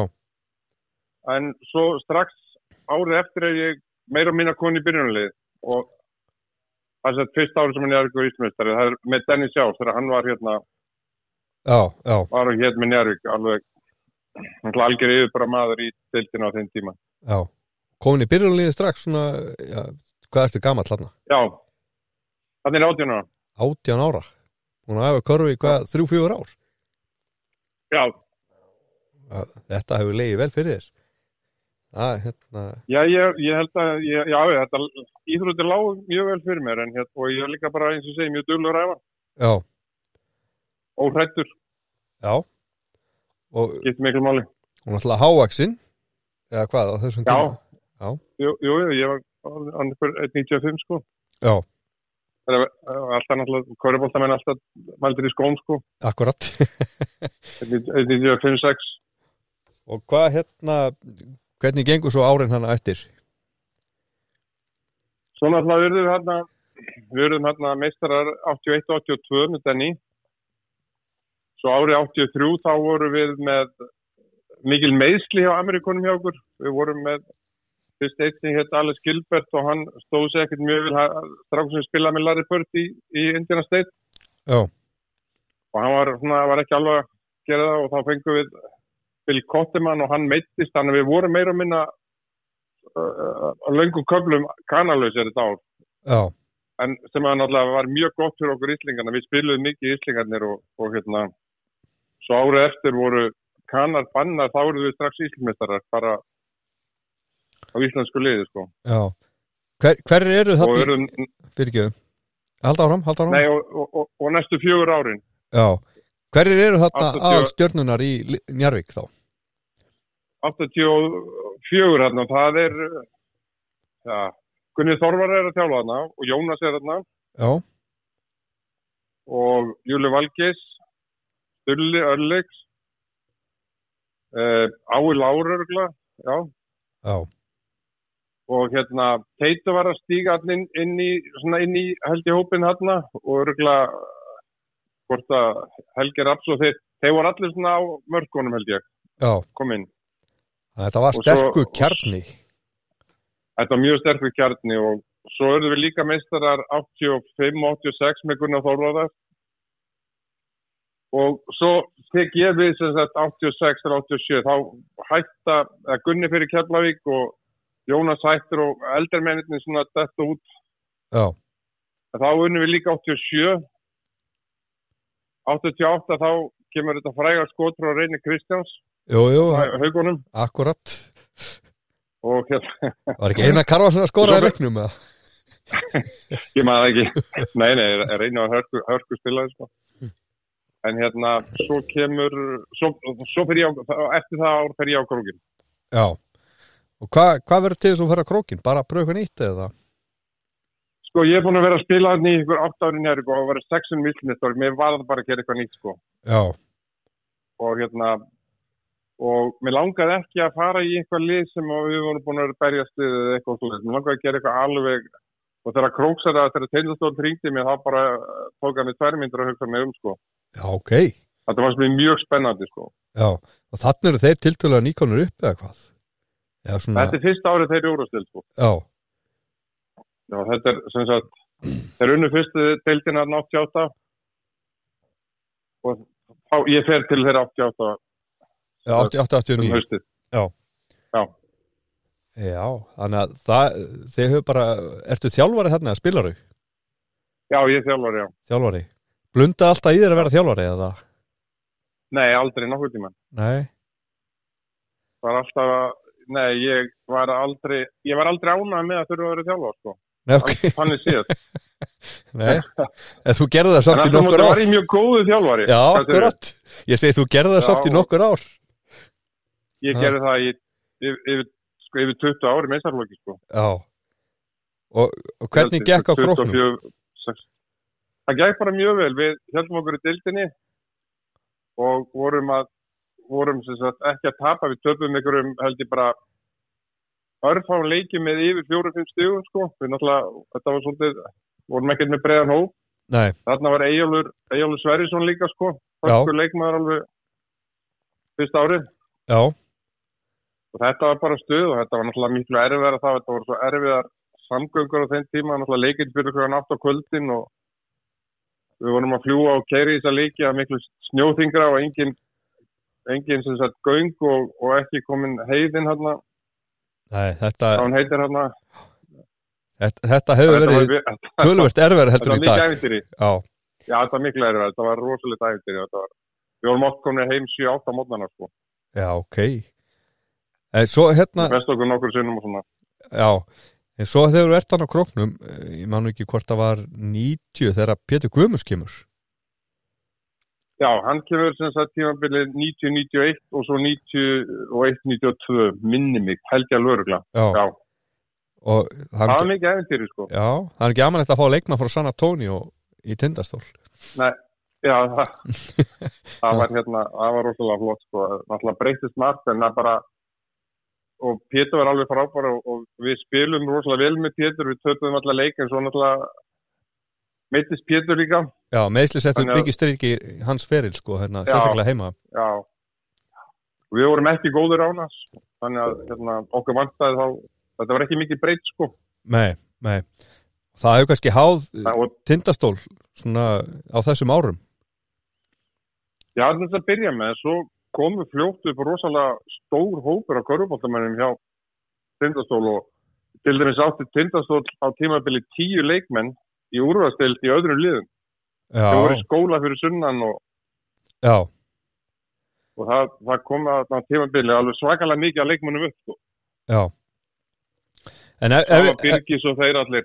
Já, akkurat En ef, ef við snúum okkur að hérna tíðanbílunu 94-95 þá ertu bara í Njarvík að þjálfa Já, og ykkur gekk nú bara ég hef ekki að segja bara frábælega já okkur, gekk, okkur gekk mjög vel. Við vorum búin að vera með sama hóp ári áður Já, Já. og, og örðum Íslandsmeistar þá líka en vorum alls ekki góðir. Ég veit ekki hvernig fórum að því að vinna sko.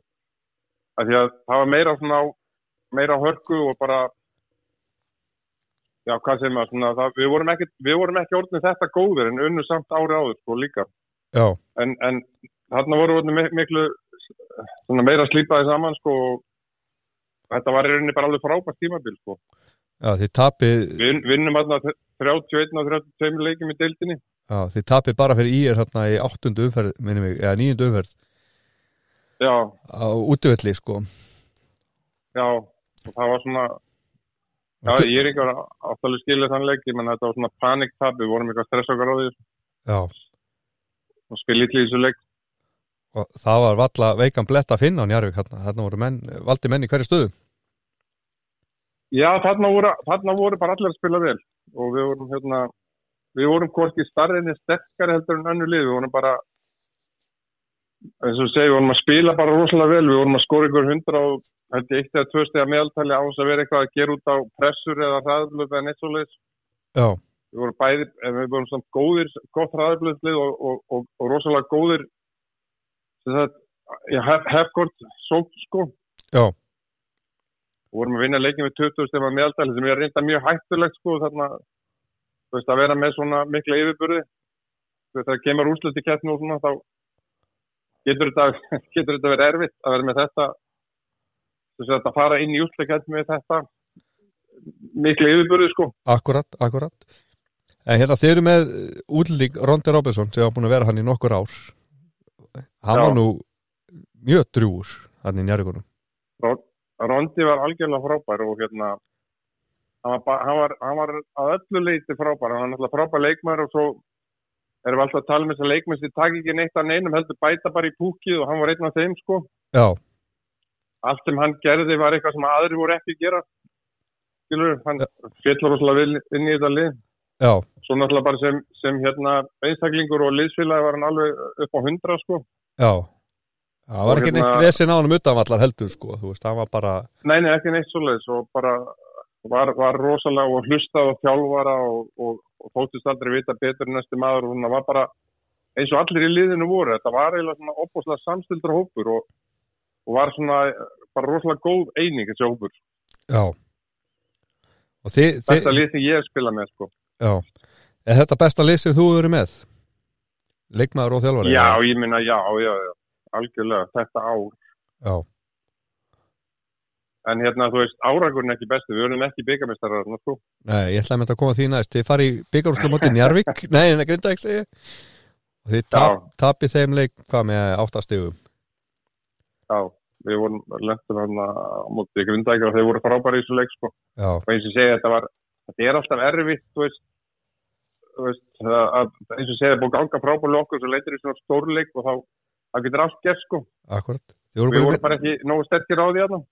Þið voru bara að vinna 17 leikiröð í byggar og deild þegar að koma þessu leik. Eftir, sem ég kemst næst En svo, Ef við mátt að tapa síðasta leik fyrir þennan leik, þá hefðum við unnað. já, Nei, Grindag, Grindag voru með frábært lið þarna, algjörlega frábært lið, sko. já En svo, svo farið í úslitin einmitt á móti Grindavík Já, og, og hérna ykkur tekst nú að vinna þá já, hvernig fór? 4-2 eða ekki? 4-2 Eh, 4-3? Já, 4-2, já. 4-2 Það sem við vinnið hérna var ekki í Grindavík minni mig Jú, minni það við vinnum í Grindag. Þetta voru svaka, svaka leikir. Já og þetta er eitthvað sem að hvað maður að segja þjálfarar og körbáltamenn býða spenntast er eftir það er að komast í Já. þetta ekki Jú, jú, þetta er náttúrulega alveg geggja að fara í gegnum fara í gegnum úslitin og fara alla leið. Þetta, þetta er rosalega gaman, þetta er rosalega, þetta tekur rosalega áskil, þetta er, en þú finnur ekki, finnur, finnur ekki fyrir með þetta að sko, þetta er ekki finn eftir á að finnur hvað það var mikið, sko. Já, Já. Þetta er rosalega gaman, sko. já, svo ertu náttúrulega við getum sagt að, að, að njárvík á þessum tíma, það, er, það eru margir leiðtór í liðinu, Teitur, Ástór og, og fleiri þetta, Já. Frikki Ragnars og, veist, Já, Jói Krispjus, já, Helgi, nei, Helgi var ekki hann. Nei, Helgi er Rapsó hættur, Uh, hann var hættur, uh, Rúnar já, Átnar Kitt Einars var þarna. Kitt Einars, sem hafa búin að þjálfa Snæfell ára Tómasar. sko, Ísak Tómasar þannig að þið eru með Já. bara marga leiðtóa í hverju stöðu Já, já, við erum bara með alveg frá, frábært lið, sko. Já, Og hérna, við vorum með, sko, við vorum með þannig hóp sem að gera frábært lið úr og, og þannig, þannig fór það. Voru menn ekkert að kvarta og spila meira og, og svona þér Nei, aldrei nokkuð tíman. Nei, Engin með veginn, sko. Nei. En það þorriði engin. er ekki feikið að spila Nei. meira Nei, ég held að það bara aldrei verið ástæða til þess. Nei, Það var nóg að leikjum, já, það var var spilað á tvisari viku. langt mót Við spilaðum sko, við byrjum mjög snemma, við byrjum fyrsta júli æfa, fórum, fórum í æfingamót til, til hérna Horsens í Danmörku, bæri enda í júli Ok, og, vorum að spila rosalega vel þar. Og við spilaðum jafn vel alveg frá júli og fram í yfir útlöndingar, við vorum alltaf að spila vel að stári, sem er eiginlega svona, svona mér finnst það ótrúlega sem að tekur úr þessu ári, út úr þessu ári, sko, að við vorum alltaf góðir, við vorum aldrei liðlir og við höfum tapað hérna tveim leikjum. Já, já, og svo, og svo náttúrulega þrejum fjór leikjum í já, þá duttum við aldrei í einhverja lægð yfir allt árið sko. Nei. Já, þið tapir, eins og mútið í er þið, mánuði sko. Já, þið tapir með áttastegum mútið í er og áttastegum byggjurúsleikin sko, þannig að það er ekkert eins og við feikið einhvern skell sko. nei, nei, nei, nei. hmm. en hér, við, vorum, við fórum aldrei í lægð, við duttum aldrei niður. Já, það er, og það er náttúrulega kannski líka því að það var það var engin að spila á mikið og, og hérna, og þetta var góður hópur. Já og menn bara skildu sín hlutverk. Já, bara allir sáttir sko. Já, þetta bara sniðust um að vinna leiki og, og hérna þetta þetta voru einhver, nýgræðingar þarna, flestir í liðinu skilur og mjög góð mórall og bara allt eins og bestur er ákosið þetta á sko. Já, eins og þjálfanir það bara, væntalega já, já, Mm. já, og það var, það var engin að það var, það var aldrei neitt vandamál sko. Bara rosalega góður hópur að stýra En hérna að öru, kom aldrei til greina að spila með bróðinum, Sigga? kemleik, Já, við erum að spila saman í landsliðinu. Þú lætur það duga. Nei, vistu það, hérna, ég, ég var alveg, hérst alltaf mikið mikið heflæg, svona, bæði Siggi var þarna og Kitti máa minn og, og, og vini mín er allir, þarna Nonni og, og Axel og Óskar og allir þessi gaurar, sko. Já, En hérna, ég hafði alveg mikla töðt heflæg, mér fannst það bara ekki passa, sko, mér langaði ekki í annað lið sem væri frábært líka, sko. nei, nei það hefði það þurft bara að gerast þegar ég var bara 17-18 ára, skilur. Já, akkurat Ég auð- auðvitað langaði með að spila með þeim og, og allt svoleiðis en mér fannst það bara ekki passa, skilur. Það var, það var ekki sem ég var að leitað eftir, eftir öllu þessi ári Njárvík, skilur. Nei, nei En e, voru, þú veist eins og K.R. eða Grindavík, voru þau ekkert að eldast við þig? Jú, jú, ég fekk alveg endalist tilbúin Já, í, á þessum árum. Já. En hérna, en það stóð aldrei til, eins og ég segi, það var, ég var næstu fann á Akureyni einu sinni. Já. Mér fannst það spennandi. En hérna, ég hugsaði aldrei um önnur, um önnur lið sem voru svona á sem svipuðum klass og njörg, skiluðu. nei Mér langaði, mér langaði ekkert að fara einhvers stað að reyna að vinna, eða þú veist, ég, mér langaði að vinna að titla með einhverju lið sem maður hefði aldrei gert áður og, og var svona lítið lið og mér langaði, veist, að fara í eitthvað svoleiðis. Já En þú ert vantalega Og- bara nú hissa að skuli ekki vera að treyja þér upp í rjáu og tindastól sko Ég verð nú að vikina það ég... Nei, það, er- það er náttúrulega bara, ég er náttúrulega ekki, ekki sögþækingur, sko. Nei, en Ég heldur nú meira að vera spáið því. já, en, en þú komst um þetta er, já, já, það er hérna, þeir náttúrulega eru með sína heimamenn sem er búin að vinna mikið fyrir hennar klúb og gera rosalega mikið fyrir hennar klúb. Já. Ég heldur nú meira þannig. En við, við komst nú ekki hjá þeim að hérna, tala um dæn í dag. Nú er hérna Guttiðin eða Gutti hann voru fullari maður, hann er nú í Grindavík búin Já, að spila hérna Já, með kjaplæk meira hlutan af æfi Já, sinni, já, hérna sínu ferli þú fylgist vantalega vel með það ekki jú, ég held mikið mig grindaði ekki dag. já það ekki gerum það ekki öll einhvern veginn Jú, ég, já, náttúrulega, ég held náttúrulega með þeim líka fyrir þetta. Ég held alltaf með þeim liðið sem hann er í þetta. já hann er svolítið ólíkur leikmaður þér, er það ekki? Jú, hann er eins og ólíkur öruglega eins og hægt er að vera. Já, allan ekki með hæðina. Nei. Hann lítill örfendur sem reynir að gefa bóltan. Þetta er eins og ólíkt mér og getur orðið. þú ert rétt endur sem reynir að skjóta Já, já. Nei, nei, ég, ég, ég gæti nálega gefa bóltan. Hérna, en hann er náttúrulega öðru sér leikmaður. Ég er náttúrulega, ég var ekki góður. Ég er náttúrulega aldrei eitthvað sem eitthvað pointgat að drippla og svoleiðis, var aldrei góður í því, sko. Nei, En hérna, ég var bara allt öðru sér típa leikmanni, skilurum. við hefðum verið frábæri saman, sko. Ég eh, elska að spila með svona leikmanni eins og honum, sko. Já, ég get trúa því Já. Herðu, Valur Er, Yes. er ekki verið gott bara? Ha, Jú, bara ég alveg, ha, er, sko. er, er konin í sömaklub? já, hún er þar. Já, það er mín líka mm. Já.